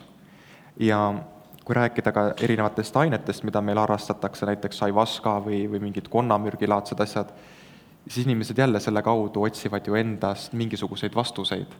aga ma olen näinud, mis juhtub, äh, lihtsalt ekstreemset näidet olen näinud, mis juhtus Aivaskas Jansil inimesega, ta samuti täna ei ela, ta tegi enesetapu. ma ei osanud seda inimest aidata, see inimene äh, Aivaskas Jansi ajal killustus kümneks miljoniks jupiks, šamanismis kutsutakse hingeosadeks neid, ehk siis minapildi erinevad osad, see kõik killustus. ta tuli, tal oli ilus pere, tal oli kõik olemas, ta läks põnevusest tegema. uudishimust ja põnevusest ei minda kunagi midagi torkima. ja, ja see inimene tuli minu juurde, oli inimvare, ta käis kanderaamiga, ta oli neljakümneaastane, et ta üldse suudaks püsti püsida. ja kuna ta ei tundnud enam mitte midagi, temas ei olnud enam elu sees, siis ma ei saanud teda aidata ja ma sain hiljem teada, et ta käis veel paari inimese juures ja ta kahjuks tegi enesetapu. et nendel võivad olla, ma ei taha hirmutada, aga nendel võivad olla fataalsed äh, tagajärjed. et väga valige, mida te nagu teete ja mida te nagu korraldate iseendaga, kas seda on päriselt vaja. sest äh, on võimalik ka rändama minna ju ilma igasuguste aineteta, näiteks hüpnoosi näol ja mitte ainult, ma ei taha siin reklaamida, mul tõesti tööd on, mul ei ole seda juurde vaja praegu. et, et on ka teisi tegijaid, igast rännakumeetodi tegijaid, et on võimalik kasutada turvalisi viise, kuidas minna iseenda sees nagu rändama. miks me kasutame selleks mingit ainet? kui on šamanismis välja nii-öelda kujundatud endale, siis neil on oma kindel rituaal, milleks nad seda teevad, miks nad seda teevad, see on teistsugune maailm. kui sa oled tavaühiskonna inimesena, liikmena, siis see, ma tean ka väga palju edulugusid selles, aga seal on alati ohumärk juures et mõelge ennem, kui te midagi sellist nagu endale nagu teete ja miks te seda tegelikult teete. kas uudishimust või millegi muu pärast. et kui sa tahad psüühikaga töötada, siis palun pöördu psühhoteraapiasse, mitte ära hakka seeni tõmbama või, või mingeid aineid sisse kallama endale. võib-olla siin äh, taandub jälle jutt selle juurde, millest me tegelikult saate alguses äh, nii-öelda rääkisime siis, et äh, need ained ja, ja see vaimne maailm nii-öelda on siis mingil määral see loodetavasti inimese jaoks indiviidi perspektiivist vaadatuna siis see quick fix, et väliselt ma saan info, aga psühhoteraapiasse või nagu äh, a la päeviku kirjutada või siis äh, podcast'i salvestada, ise järele kuulata ennast, et õppida ennast nagu kõrvalt kuulama või nägema, see vajab nagu seda südikust ja seda nagu sügavust, et olla valmis vaatama tõele otsa, seda me teha ei taha. integratsiooni ei ole ju seal ainete tegemisel. ehk psüühika saab küll info kätte, aga nii-öelda integreerida seda keha tasandile kuidagi sügavamat viisi pidi või et see oleks mingi struktuurne kuidagi meele jaoks ka, siis seda ta ei ole ju. ta annab sulle küll vastuse ja egole mingis mõttes meeldib see, oh, ma sain vastuse kätte, järelikult ma nüüd võin tunda kergust ja rahu. noh, võib-olla pool aastat tunnebki ja siis ta on võib-olla samas kohas tagasi. et äh, noh, ma ei taha väga halvustada seda, aga minu arvates liiga palju tehakse ekstreemseid valikuid just ainete tegemisel. ma vaatan kella, ma tean umbes äh umbes tunnikese, tunni jooksul eh, peaksime hakkama otsi kokku tõmbama, ma laseksin eh, publik teil eh, siin kaasa rääkida, mis oleks see, see sobiv suund, mis suunas te tahate täna veel Antsult mingeid mõtteid kuulda, kas see on pigem perekonnasüsteemid ja pere, pere ümber see tiirlemine nii-öelda siis või pigem see enda isiklik areng läbi vaimsuse või siis mittevaimsuse ja kuidas iseendaga tööd tegelikult teha? kuidas me seda lihtsalt teeme? Tõstke käsi, kes tahab kuulata perekonnasüsteemidest rohkem. mis sulle tundub, Ants mm.? kuidas sulle tundub? igasugune isiklik areng hakkab pihta perekonnast siis, äh, siis lähme läbi isikliku arengu puudutades ka õrnalt mm. siis äh, sedasama perekonna teemat. perekonnast rääkides ma panen siis jutu ka minema ja siis ja. takista mind vahepeal, eks ju. kui laps sünnib äh, oma ema isa juurde siis esimesed seitse kuud on lapse jaoks tohutult oluline. Esimesel seitsmel kuul laps ei erista tegelikult peale ema mitte kedagi teist. tal tekivad esimesed baastunded, baastunded on meil kõigil enamjaolt ühesugused. seal on õnn, rõõm, kergus, kurbus, valu, viha, kõik tunded on meis alati esindatud. kui keegi ütleb, et temas viha ei ole, siis see inimene valetab. ta lihtsalt ei ole sellega kohtunud veel ja kui ähm, esimesel seitsmel kuul meie meel hakkab üles ehituma, siis ta hakkab üles ehituma selliste introjektide ehk mälutäpikeste kaudu, et meie meelde ehitub nii-öelda täpp-täpi haaval üles see minapilt. aga see käib läbi ema silmade esimesed seitse kuud. ja nüüd on küsimus, milline see ema sellel hetkel oli, kui ta seda last kasvatas kas tal oli endal kurbusvalu, kas tal oli hirm, oli tal midagi muud, ehk see laps saab selle maailmapildi endasse kaasa, mille põhjal ta hakkab hiljem tegema otsuseid. teisel-kolmandal eluaastal siseneb äh, sinna nii-öelda rolli ka isa. ja nüüd tütarde jaoks ja poegade jaoks on see esimene selline sügavam traumakoht, kui äh, poeg või tütar peab avastama, et ühel hetkel ma pean jagama oma ema või isa veel kellegiga, näiteks ema, noh, tütar peab jagama oma isa siis äh, oma emaga või poeg äh, isa emaga, siis see võib olla esimene traumakoht lapsele, kus jääb emotsionaalne areng kinni.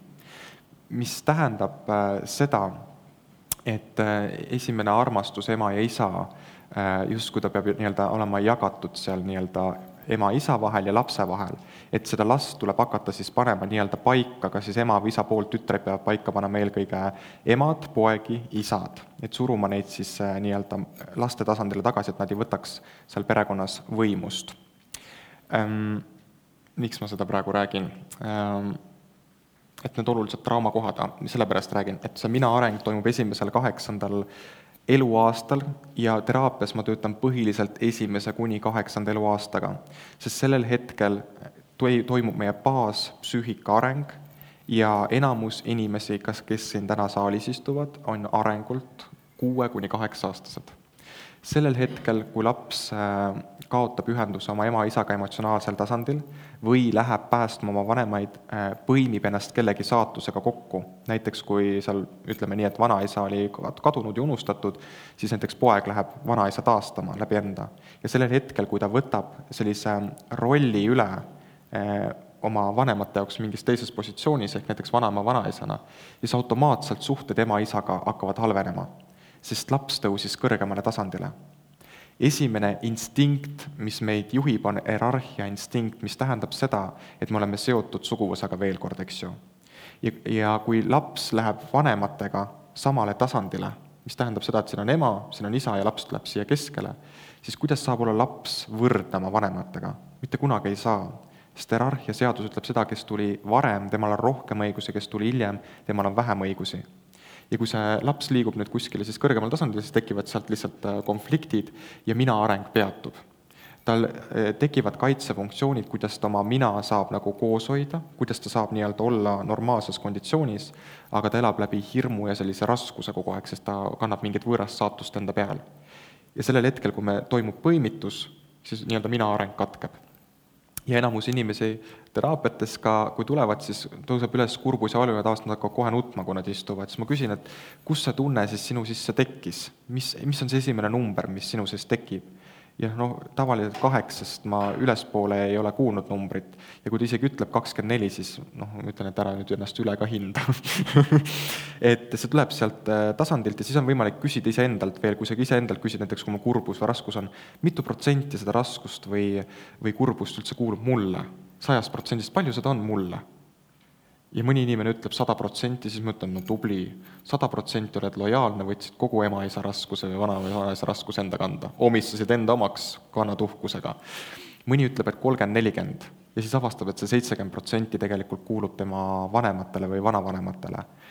et ja see on see isiklik areng, et tuua teadlikkus sisse, mis rolle sa oled oma perekonnas võtnud, mis rolli sa oma perekonnas tegelikult täidad, kas sa saad olla ainult laps või sa pead kantseldama tegelikult oma vanemaid, et kui sa sealt, sellest rägastikust omakorda suudad välja tulla, siis sa oled vaba hing arenema ja kasvama oma elu suunas. siis sa ei pea enam tõestama, siis sa ei pea enam möllama, tundma süütunnet ja ma olen alati tundnud, öelnud, et äh, meil ei ole kohustust elada, süütunde võib võtta ja süütunde võib jätta, meil on vaba tahe. et ja kui inimene tunneb süütunnet nende pro-, nendes protsessides, kui ta neid läbi töötab ja enda jaoks nii-öelda paika sätib, siis ma soovitan alati aplodeerida, sest süütunne tähendab seda, et ta reedab oma vanemad ja hakkab eralduma. See on huvitav, ma tahaks küsida, et eh, kui sa ei soovi tõsta kätt, siis sa ei pea seda tegema, aga kui paljudel teie seast on eh, probleemsuhted nende vanematega, kas siis mõlemaga või ühe poolega? Mis on tegelikult nagu kinnitus sellele, mida Ants tegelikult räägib ja, ja minu näited on ausad meeste podcast'is äh, täiesti kuulatavad. Äh, ja kui me tuleme siit äh, enesearengu juurde veel tagasi, viiskümmend protsenti oled sa emast, viiskümmend protsenti sa oled isast. kui sa vihkad või põlgad oma ema või isa, siis sa vihkad ju iseennast tegelikult egoistlikult juba iseenda pärast võiks, mitte et sa pead nüüd ema juurde või isa juurde minema andeks paluma või, või mingit suhet seal looma hakkama, vaid samamoodi, nagu me sinuga tegime, eks ju looma nii-öelda lisareaalsus endale justkui armastavast ja emast ja isast, et su psüühikal oleks nendele kohtadele toetuda. aga kui sa oled konfliktis isaga, siis sa oled ju konfliktis kogu välismaailmaga. siis sa oled äh, ärimaailmas, näiteks kohtuvaidlused, kui ma töötan äridega, kohtuvaidlused on mitte midagi muud kui kättemaksu äh, nii-öelda pro-, äh, protsessid, dünaamikad oma isale. Nad projitseerivad sellele äripartnerile, kellega nad seal kohtus jahvatavad, oma selle viha, mida nad isa vastu tunda ei saanud, ja siis jahvatavad kohtus seal. ja kui me võtame need äripartneritest või nendest probleemidest need suguvõsa rollid välja, voilà, probleemid kaovad ärides. et äh, et me egoistlikult iseenda pärast peaksime leidma sügava rahu, mitte see, et sa meeles kogu aeg räägid endale, ma andestan, ma andestan, see ei muuda mitte midagi, see on lihtsalt illusioon või pläma, mis sa endale ajad. sa pead sügaval tasandil selle ühenduse leidma et tekiks see täidetud tunne sinu sees. sest siis tekib enesekindlus ja turvatunne. enesekindlust ja turvatunnet me ei saa kunagi otsida partnerist, partnerist, kes otsib turvatunnet oma partnerist, see võib endale otsa ette kirjutada sõltuvussuhe, enamus inimesi on sõltuvussuhtes. Et nad otsivad sealt midagi, millega iseenda sisemust nii, nii-öelda täita et ja siis paratamatult nad projitseerivad sinna selle isiku, kellelt nad tegelikult tahavad seda mm -hmm. Turvatunde, enesekindluse me saame emalt ja isalt, enesekindluse eelkõige isalt. see on hea, et sa mainisid tegelikult seda, seda eh, mõistusega andestamist ja päriselt nagu andestamist, minul oli sama stsenaarium enda emaga, kus eh, noh, mul on sellest nagu lihtne rääkida, käsi on püsti ja üks moment, eh, kohe tuleb mik-, mikker siin lendab kohe sinna. et mul oli sama kogemus, kus ma ei suutnud oma emale, ma ei hakka nüüd põhjuselt lahkama praegu siin, aga ei suutnud andestada reaalselt vihkasin oma ema, ma sain nagu julgelt peeglisse vaadata, öelda, ma vihkan oma ema, vihkan täiega lihtsalt nagu ikka rõvedalt vihkan lihtsalt. ja tegelikult ei teadnud ka miks, aga siis teisel teraapiaseansil ma suutsin lõpus siis tunda, et seda viha ei olnud enam. ma ei tea, mis, ma, ma ei, ma ei tea, ma ei oska öelda, mida, mida me nagu tegime, see ei ole nagu see, et nüüd hullult lahustame seda viha minust kuidagi või nagu andestamist emale, aga kuidagi oli see läbi selle konstellatsiooni töö nagu peresüsteemide muutunud see, et ma sain nagu ema poolest aru ja mis on sinu puhul hämmastav, mis mulle väga meeldib, et ma olen kuulnud teiste inimeste, kes on käinud sinu juures konstellatsioonis või teraapiat saamas, on see, see matikestega töö, ehk siis see inimeste erinevatesse rollidesse pane, asetamine annab nagu nii võimsa tunde ja kogemuse sellest, sellest, et ma nagu päriselt, kui läbi enda ema räägin iseendaga, siis ma nagu mõist-, päriselt usun, et mu ema ütles mulle seda. see on nagu nii sürreaalne.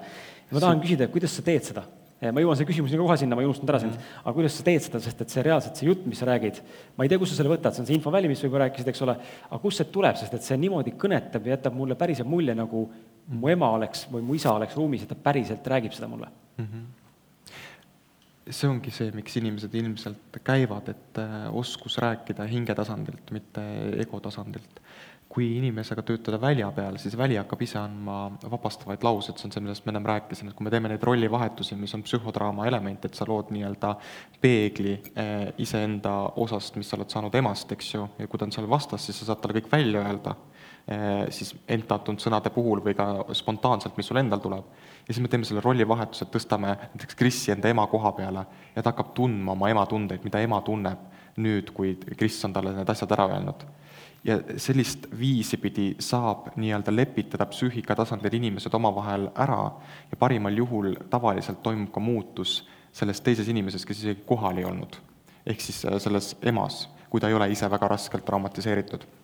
ehk sellise peegelduste kaudu on võimalik luua üles äh, lisareaalsus, sest igas, iga ema armastab oma poegi sügavamal tasandil ja iga isa armastab oma tütreid sügavamal tasandil. Pereteraapia ütleb, et emad armastavad äh, tütreid, isad äh,, emad armastavad poegi, isad kasvatavad poegi ja isad tütreid armastavad ja emad tütreid kasvatavad mm. -hmm. et see on selline ütlus, eks ju. küsimus oli meil, jah? ma viskan sinna, loodan, et saab mm. -hmm püüad, ei püüa? proovime siis ma ei viska. ma tulen, annan sulle selle kätte ilusti viisakalt, et see heli jääks meil ilusti äh, peale. Viskan siit, siit ikka püüab, hops. minul oli siis selline räägi sinna musta sisse, jah, voh. selline küsimus, et äh, kui sa enne mainisid, äh, Ants, et et me oleme siis nii-öelda pool oma emast ja pool oma isast, aga kuidas see olukord siis on, kui näiteks üks vanem on äh, hästi varajases eas äh, nagu sinu elust nii-öelda lahkunud. et mm -hmm. kas siis nii-öelda ema võtab siis nagu täielikult selle nii-öelda sinu osa siis üle -hmm. või, või kuidas see, kuidas see on mm, -hmm. aitäh? Hea küsimus ehm meil enamusel või ma ei saa öelda enamusel, väga paljudel inimestel on olukord, kus äh, isa või ema on puudu, kas noores eas surnud või lihtsalt reetnud ja ära läinud. mõlemal juhul, kui isa või ema on lapse eas ära läinud, igal juhul lapse psüühika jaoks tähendab see reetmist Äh, need inimesed, kes ei ole näiteks kunagi kohtunud oma isaga, äh, on võimalik luua ühendus oma isaga psüühika tasandil ikkagi selle metoodika kaudu ja ehitada üles isast lisareaalsust, sest tavaliselt seda inimest, keda meil elus ei ole olnud, me, meie lapse meel ja ka täiskasvanud meel äh,, kuidas ma ütlen äh,, paneb ta väga heasse valgusesse, ehk ta on justkui selline kangelane, kes kunagi on kuskil olemas aga kelleni ma kunagi ei jõua ja siis on väga lihtne tegelikult töötada äh, üles inimpsüühikas seda osa, mis äh, temast ei ole siis saanud tulla.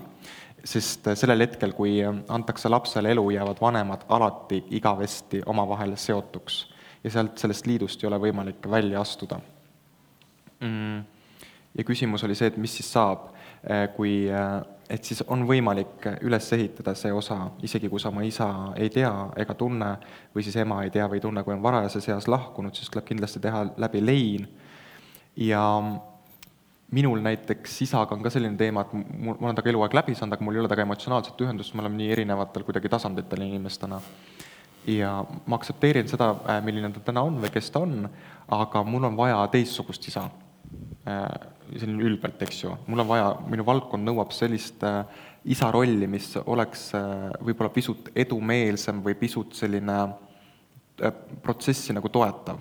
Ja siis meil on võimalik leida oma elus äh,, minule on saadetud need inimesed kuidagi äh,, vanemad inimesed. mul on üks kuusteist aastat vanem äh, sõber, kes võttis sellise isa rolli nagu kuidagi nagu, mulle tundub, üle et ma tunnen, et ma saan sealt selle puuduoleva ressursi, just sellise lõpliku sellise enesekindluse või sellise nagu hoitud tunde või mingi selline tunne tekib sisse, et me saame leida vanemate inimeste kaudu, kes on, ise tahavad seda rolli võtta, meil elu saadab sellised inimesed äh, selle asenduse äh, puuduolevast osast sest mul astroloog ütles ka, mu isa ei tule mitte kunagi sellesse nii-öelda peremajja sisse, et ta on eluaeg kuskil eemal ära, eks ju, mul on fine sellega, aga elu saadab mingid huvitavad ressursid mulle nagu lisaks sest see on nii-öelda puuduolev ressurss, kui sa ei tunne ühte oma vanemat, siis sa ei tunne ju poolt iseennast ka.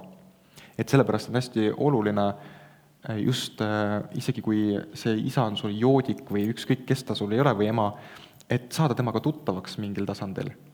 et näiteks äh, ma alles avastasin enda isa puhul sellise asja, et kui tal on ebamugav, siis ta haigutab. ma teen täpselt samamoodi. ma hakkan haigutama, kui mul on ebamugav, nagu kaitsereaktsioon et, äh, et siis me saame sellistest pisinüanssidest nagu näha, kust me oleme tulnud ja kelleks me võime saada. aga see, et äh, saavad tulla meie ellu inimesed, kes pakuvad meile seda nii-öelda kohatäidet ajutiselt või siis jäädavalt, selleks me peame ise ka valmis olema. jaa, jaa. ja, ja tegelikult on hea ka teadlikustada ära see, et see inimene täidab sellist rolli mm. -hmm sest äh, siis on nii-öelda kõik selge, sest siis ei ole mingisugust üllatust, kui mingisugune jama juhtub, et miks ma nii valu ja kurbust tunnen. sest kui see inimene peaks ära kaduma minu elust, noh, siis mul tõenäoliselt mõnda aega ma pean teraapias käima, eks ju et, äh, et mingit seda osa nagu mingid osad on, mis paratamatult jäävad lahendamata või nendega, sa võid lõpuni töötada nendega, no need ei lahene ära, need on nagu mingisugused asjad, mida me peame siin elus nagu kogema ja läbi tegema. mul see isa teema ilmselt jääb terveks eluks, eks ju. et äh, lõputult tööta, tööta, ma ei viitsi enam töötada ausalt, ma pigem lasen kellelgi seda rolli täita jumal temaga. et võtad nagu chill'ilt, eks ju. et naudid äh, neid hetki, mis sulle antud on praegusel hetkel ja ei keskendu sellele minevikule ega ka tulevikule, et mis nüüd tulevikus võib saada. So what? Elame totaalselt. enne kui ma küsimuse vahele võtan sealt, äh, sa mainisid, sinu viimane lause viib tegelikult küsimuseni, tahtsin küsida ka, et seesama näide või see viimane, sama, sama viimane mõte, et äh, sa võtad chill'ilt ja, ja sa ei, sa ei, nagu ei tahagi enam või ei jaksa või ei näe nagu mõtet sellega enam otseselt nagu väga palju tegeleda. Äh, noh, ma olen sinuga rääkinud, mul on enda isaga sama teema ja ma ei tea, kus te ise olete märganud eludes, võib-olla olete, võib-olla teil on rohkem äh, mingil määral läinud nagu paremini kui minul võib-olla täna enda näite kohaselt, aga mul on mingi meeletu, meeletu isapoolne selline äh, situatsioon elus, kus, äh, kus ma kuidagi nagu perekonnalt saan kõige rohkem sellist hukkamõistu ja mahategemist ja nagu negatiivset kogemust. ja, ja minu küsimus sulle on selline, et miks on see niimoodi, sest ma tean, et päris paljudel on, miks on nii, et perekond meie kõige lähemad, lähi, lähedasemad sõbrad äh, ja, ja perekond ja sugulased on just need, kes meid kõige rohkem tegelikult teine, teinekord maha teevad või reaalselt nagu solvavad ja haiget teevad. Äh, kust see tuleb nagu, kas see meie enda süü, et peaks tegelikult vastutuse võtma, äkki ma olen olnud äh, sõna otseses mõttes kehv poeg, või, või see ikkagi tuleb vaadata sinnapoole, et ahaa, et ju siis on asi pro-, probleem nendes ja ma ei pea nende inimestega oma ellu nii-öelda siis panustama? mõtlen.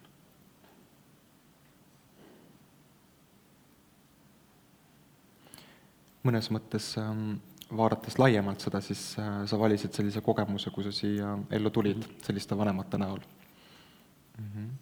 ja sinu elu väga pikk periood saab olema katsumus, kuidas aktsepteerida oma vanemaid sellistena, nagu nad on mm. -hmm. nõus. ja kui sa oma vanemaid aktsepteerid sellistena, nagu nad on, siis ei saa nad ka sind enam solvata ühel hetkel mm. -hmm. siis nad lõpetavad selle ära see, et nad viivad sind täna sellisesse seisu, eh, nad teevad mingis mõttes, eh, üritavad, ehm, ühelt poolt võib see olla kaitse nende poolt, nad üritavad sind kaitsta mingisuguse välismaailma ohtude eest või mingisuguse enda kaitseprogrammide järgi aheldada kuskile kohta ära, teades sinu lugu, eks ju. aga võib-olla kõige targem viis ongi anda sellistele inimestele aega, sest kui vanemad on väga traumatiseeritud siis äh, isegi kui me teeme sinuga väga palju tööd, siis ähm, me ei saa mitte kunagi sealt seda osa lõpuni kätte, mida sa otsid. et võib-olla oleks tark siis otsimine ära lõpetada ja keskenduda sellele, mis praegu on, ja võib-olla vaadelda, kus ma saan need ressursid kätte ilma neid sellisel kujul kaasamata. ma olen näinud ainult ühte inimest oma elus, see on üks noor poiss Tallinnas, tõesti fantastiline inimene, kes, kellel ei olnud peresüsteemi mõju ilmselt uus aeg toob mingid uued inimesed. ja, ja sellel inimesel oli kohutav minevik, kohutavad vanemad narkomaanid ja ma ei tea, mis temaga kõik tehtud on. ja selles inimeses oli nii palju helgust ja esimest korda ma pidin alla vanduma, et äh, ma ei peedista temast mitte midagi välja, sest tas ei olnudki mitte midagi halba. oligi nagu mingi maine ingel. ja tema nagu oli aktsepteerinud seda, et ähm, et ta, et ta ei saa mitte kunagi ühendust sellisel tasandil oma vanematega aga ta leidis selle mm, armastuse või ressursi iseenda seest ülesse. sest vaatamata sellele, et vanemad ei saanud seda mingil tasandil anda, on see alati võimalik leida. Nendele inimestele kingitakse spirituaalsest maailmast rääkides ülevalt poolt teatav ressurss, et nad tuleks toime mm. -hmm. aga natukene ka rääkides karmalisest asjast, siis äh, järelikult sa teed midagi nagu läbi ja ma ei usu, et see on lõpuni sinu puhul lahendamatu olukord mm. -hmm. ja just äh, ema poole pealt lahendamatu, ma ei usu seda mm. -hmm. mulle, ma ei tea, paljud teist tunnevad Timo Porvalit, aga Timo ütles niisuguse äh, huvitava lause mulle, Ants, ma ei tea, kas sa oled sellega päri või mitte, saad seda lühidalt kommenteerida ja siis ma annan Elis äh, sulle sõna küsimuse jaoks ka. ta ütles, et tema, teda aitas väga palju selline mõtlemine, mis kõlas nagu süngelt, seda sai kuskilt raamatust või kuskilt, ja, ja mulle, mind kõnetas täiega see, et ela nii, nagu su isa oleks surnud. see pani mind mõtlema jah, see on õige mõte. väga niisugune riskantne mõte, aga tead, kui su isa on surnud ja sa aktsepteerid seda, siis sa saad aru, et, et mul ei ole enam mitte kellelegi ennast tõestada, hakkan nüüd ise elama iseenda jaoks aga need inimesed ju, need ju roomavad hauda kaasa, et tõestada. no see on ikka kohutav, kui paljud inimesed elavad hauas mingi lähedase inimesega. see teema ka veel, surmade aktsepteerimine palun saage hakkama. iga surm tegelikult, mis äh, meil lähedastega juhtub, viib meid ennast kõrgemale tasemele iseendas, see on psühholoogiline kasvamise koht.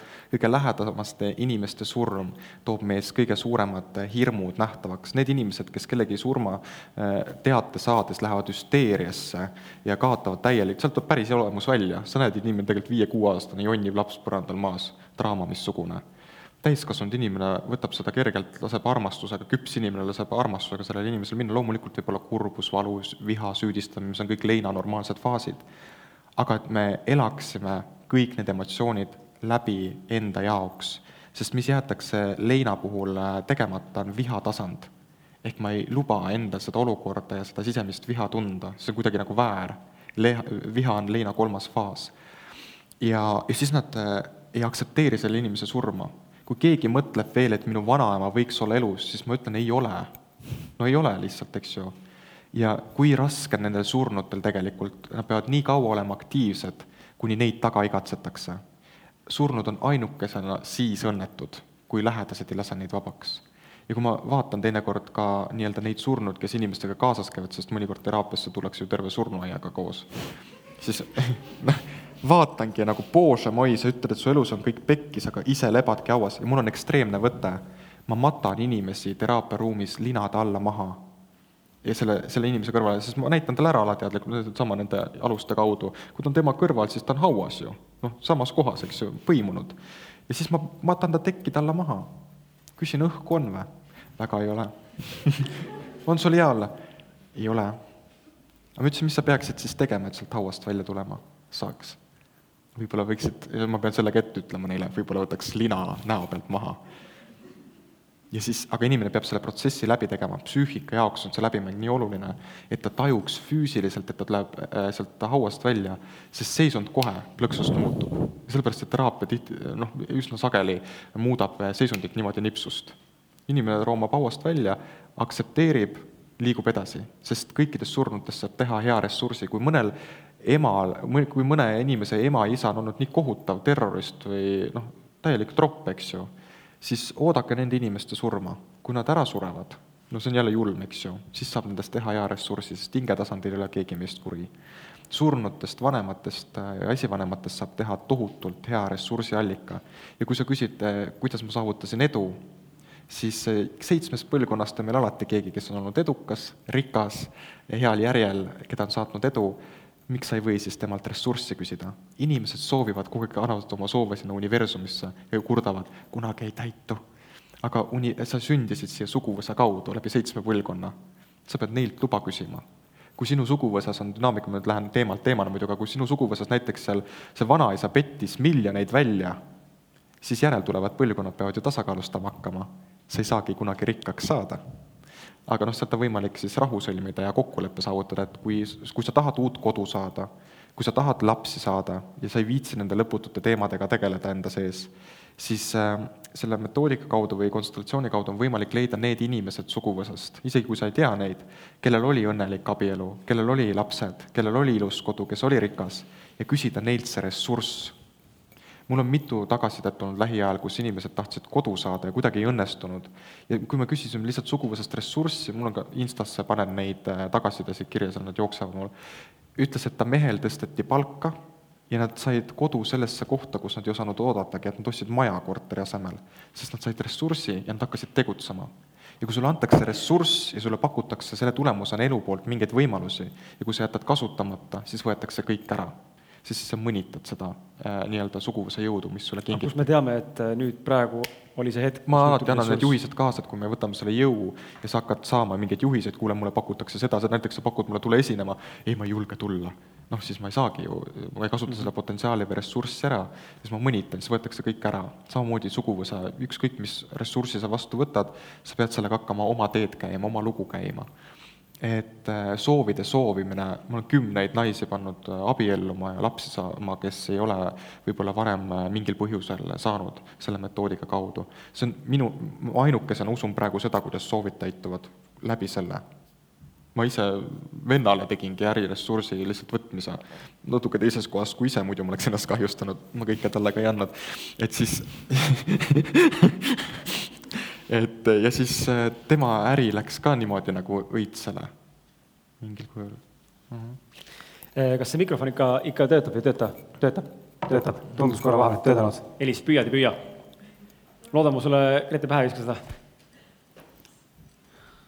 võib-olla Ants juba vastas sellele küsimusele, aga ma ikkagi küsin, et äh, kuidas nagu käituda sellisel puhul, kui üks vanematest on äh, energiavampiiriliku käitumisega energiavampiir? Et äh, kuidas nagu äh, siis käituda, nagu piire tõmmata ja nii edasi, et mm. -hmm. ma, ma ei tea seda vastust, ma kohe küsin endalt aus, aus mees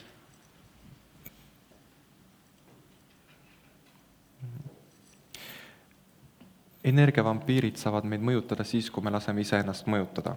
Mis tähendab seda, et kui sa ei ole noh, energia, kui sa ise annad talle sellise hinnangu, sellise rolli, siis automaatselt hakkabki seda täitma. kui sa võtad selle osa ära sealt temast, eh, mis seda energiat võtab, noh, eraldad ära, et sul ei tekiks sellist kontakti sellise osaga, siis tegelikult kogu see nii-öelda mure kaob, sest eh, vanemaid me tahame alati päästa ja kui sa tunned, et üks vanem on energiavampiir, siis küsi iseendalt, miks sa tahad teda mingil tasandil päästa ja miks sa ei suuda piisaval kujul eralduda, et seda mõju vähendada. Mhm. ma arvan, et see oleks kõige lihtsam vastus, aga, aga seal võib miljon asja taga olla, et seda peaks vaatama kuidagi niimoodi eraldi.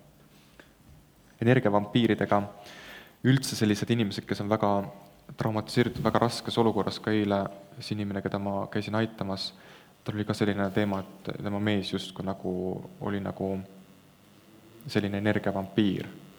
ja ma võtsin talt need ahelad nagu maha, kohe energia nagu niimoodi nipsust nagu muutus. et ja energiavampiir ei saa meie külge kinnituda, kui me iseenda sees oleme paigal ja ei ole katki. et siis ta nii-öelda, sa ei võta seda lihtsalt vastu, sul tekib loomulik kaitse. kui me teeme suguvõsa teemat korda, siis tekib suguvõsast nii tugev kaitse, kõige võimsamad nõiad on alati teinud läbi suguvõsa teema, näiteks Victoria Raidos Venemaalt, üks Venemaa tugevamaid, sellepärast et ta valdab sama teemat, konstellatsioone. ja suguvõsal, kui sa teed enda jaoks midagi korda ja suguvõsa jaoks midagi korda, siis see inimene tõstetakse alati suguvõsas esikohale, mis tähendab seda, et teda hakkab saatma meeletu edu. ta ei pea ise selleks mitte midagi tegema, teda ise tassitakse niimoodi ülesse. no selleks peab olema ka valmis sest sa tahtsid ka sellele vastust saada, lihtsalt lisaks mm. -hmm. Viskan sinna ka, loodan ma Annelale pähe ei viska seda. ma arvasin, et sa peaaegu hetkel selle mööda pead saada. tegelikult ma küsin niisugust küsimust, sa natukene midagi sellelt, sellele vastasid ka, aga ma, ma ei tea, kuidagi tahaks võib-olla rohkem saada. et kui ma tunnen, et äh, ma olen niivõrd erinev oma vanematest ja oma sugulastest. sugulased omavahel, isa ja, ja ema liini pidi on ka väga erinevad. Et ma olen nagu kuidagi, tunnen ennast väga teistmoodi ja tegelen hoopis teistsuguste asjadega, millega nemad. et ma ei aja nendega üldse samat asja. kas sa igatsed seda, et sa oleks nendega sarnane? ei mm, -hmm. ei igatse. pakub see sulle mingisugust raskust elus? võib-olla mõnikord, mõnikord mm -hmm. nagu see, et seda toetust, aga samas ma tunnen iseenda puhul, et mul on endal see iseenda sees mingisugune mhm. võib-olla sa võiksid lihtsalt aktsepteerida, et sa oledki mingil kujul eriline aitäh ja oota, oota korra. Mhm. ja vahel, kui me tunneme, et me ei tunne suguvõsaga ühendust, seal taga on ka oma teemad, et me oleme, võime olla sattunud välja jäetud inimese koha peale, kes võib-olla oli mingil kujul eriline, keda ei tolereeritud sellel ajal, ja no ma toon ekstreemse näite küll, aga ühe, ühes suguvõsas oli üks, üks naine oli lihtsalt minevikus, seal neljakümnenda, viiekümnendatel oli prostituut. Ja tema suguvõsa sai sellest teada, ta heideti välja. järeltulevas põlvkonnas keegi sattus tema koha peale, hakkas tema nii-öelda seda sära ja kirge endas väljendama aga suguvõsa jaoks oli see ohtlik mm. -hmm. ja siis sa nii-öelda selleks ja teinekord me kasutame ka sellist enda erilisuse toonitamist või ähm, erilisu, eriliseks saamist selleks, et äh, mina eristuks. et siis ma ei saa võtta seda raskust enda peale, et kui ma olen piisavalt teistmoodi, see on väga hea eristumise tase, et kui ma olen piisavalt teistmoodi, siis ma ei haaku sellega. ja ma ei peagi otsima sealt seda tunnistust või, või tuge enda erilisusele, vaid aktsepteerida ennast sellisena, nagu sa oled mm. -hmm. Ants, mina sult isiklikult täna rohkem küsimusi küsin, vaatan kella ja ma tean, me peame hakkama lõpetama. Eh, lähima kahekümne minuti jooksul siin kindlasti kokku lõpetama, vastasel juhul meil visatakse poole pakkimise pealt välja. Eh, tegelikult nii hull asi ei ole, aga aga vestletud on tegelikult üle kahe tunni juba ja, ja ma tahaksin küsida, kas sul on äkki midagi, mis sa tahad ise lisada, enne kui me teeme seda hüpnoosi, kui kellelgi soovib, või sa tahad kellelgi lasta eh, mõne küsimuse esitada veel?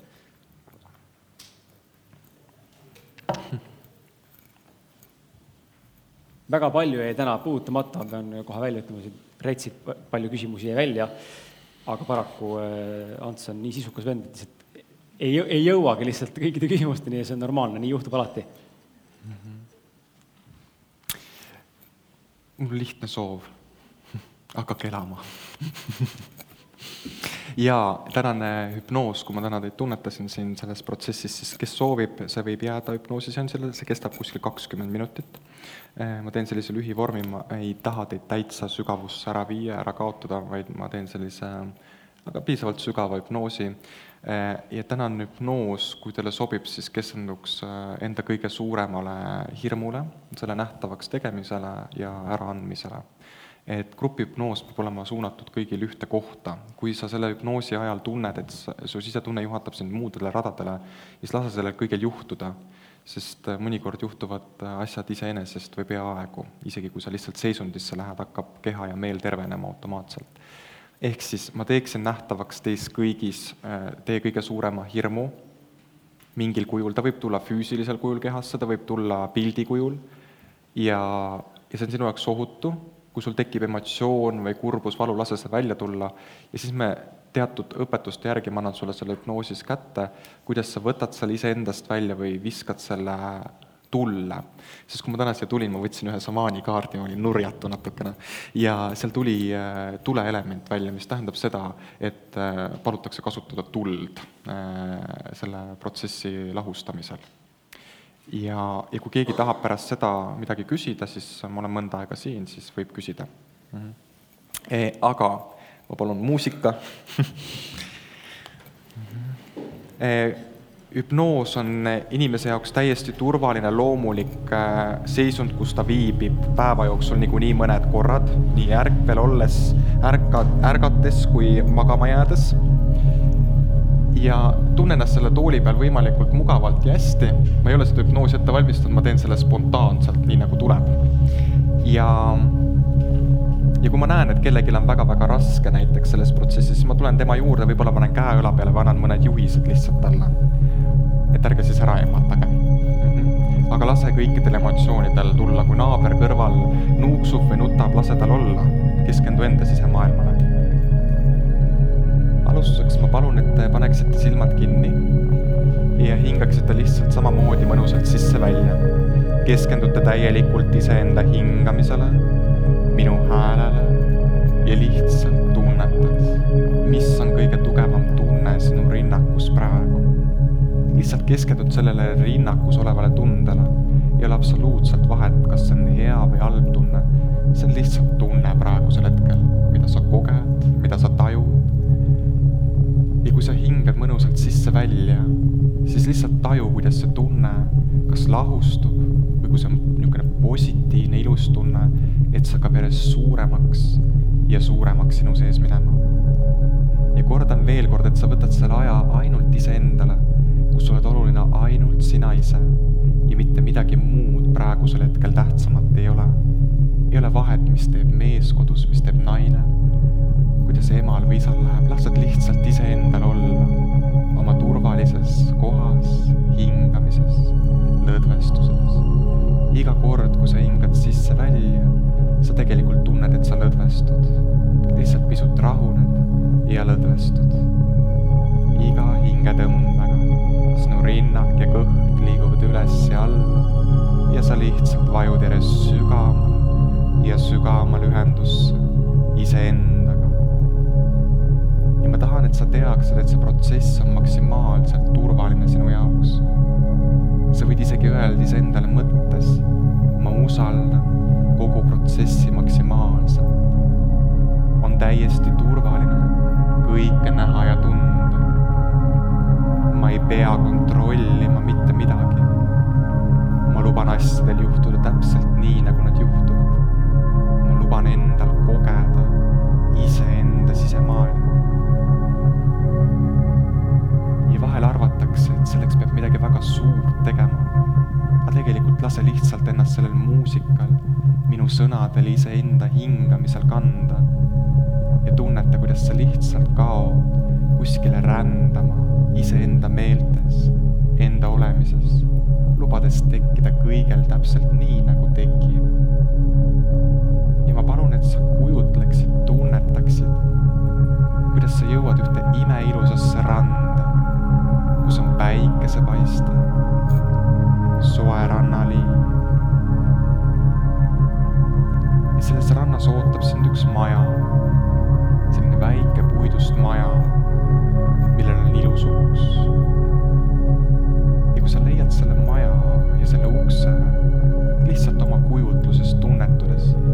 lihtsalt enda jaoks esialgu ehtsaks, siis mine lihtsalt sellest uksest sisse ja sa avastad, et sind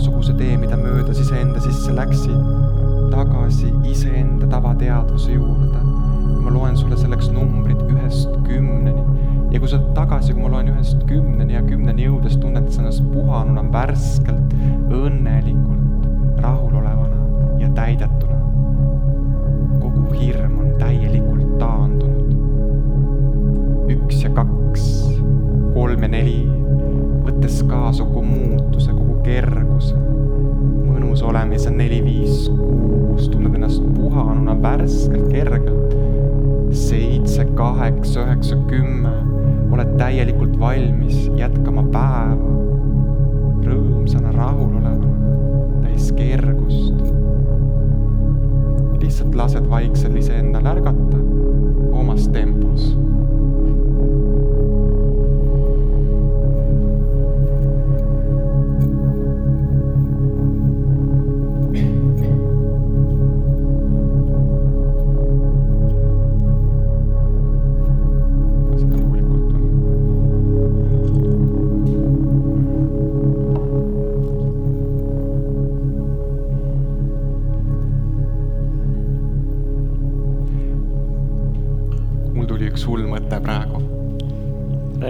viimane ja siis lähme koju ära. ma tahan, et kõigepealt äh, kõik äh, iseendale plaksutaksid, et kõik hüpnoosist üles ärkaksid lihtsalt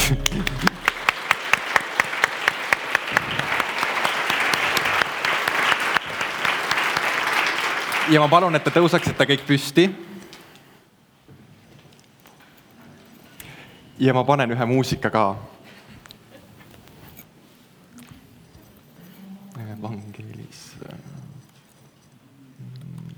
Seda filmi. nii, nii vaata. see. ja öelge lihtsalt minu järgi ja tehke täpselt nii, nagu mina hull ette teen, ohutame selle reklaami ära. nii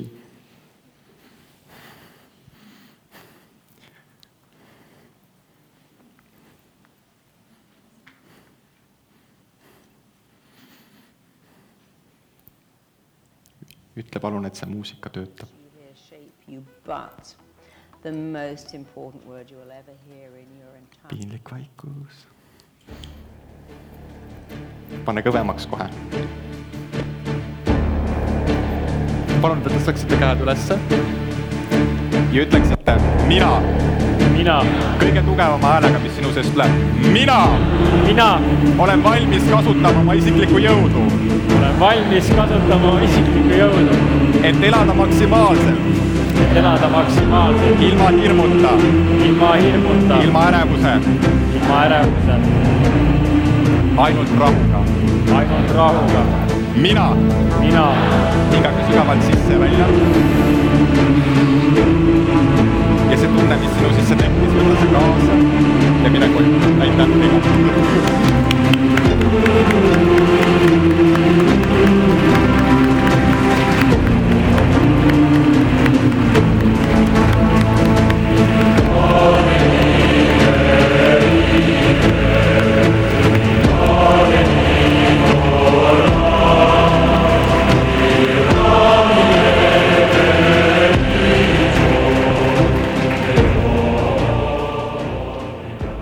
Aitäh teile. kui kellelgi on küsimusi, siis ma olen siin, et võite tulla küsima. ja mina tänan omalt poolt äh, ka tervet publikut ja samuti kõiki, kes kodus kuulasid ja vaatasid ja samuti tervet enda meeskonda, kes mul täna siin abis on olnud. ja, ja egas midagi, kohtume teiega juba järgmises äh, podcastis ja siinsete inimestega siis järgmisel live podcastil, aitäh teile, tšau.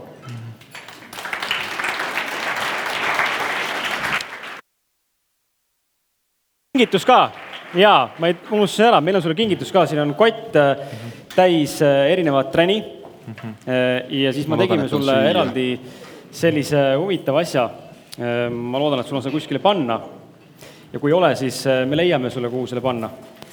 aga see on siin eraldi siin sees. autos Tallinn-Tartu maanteel. jaa, see on eraldi siin sees. Siukse karika-, karikatuuri tegime sinust. appi kui äge. see oled sina, palun. jälle coach'i näoga, juhuu! Ei, väga äge, väga äge.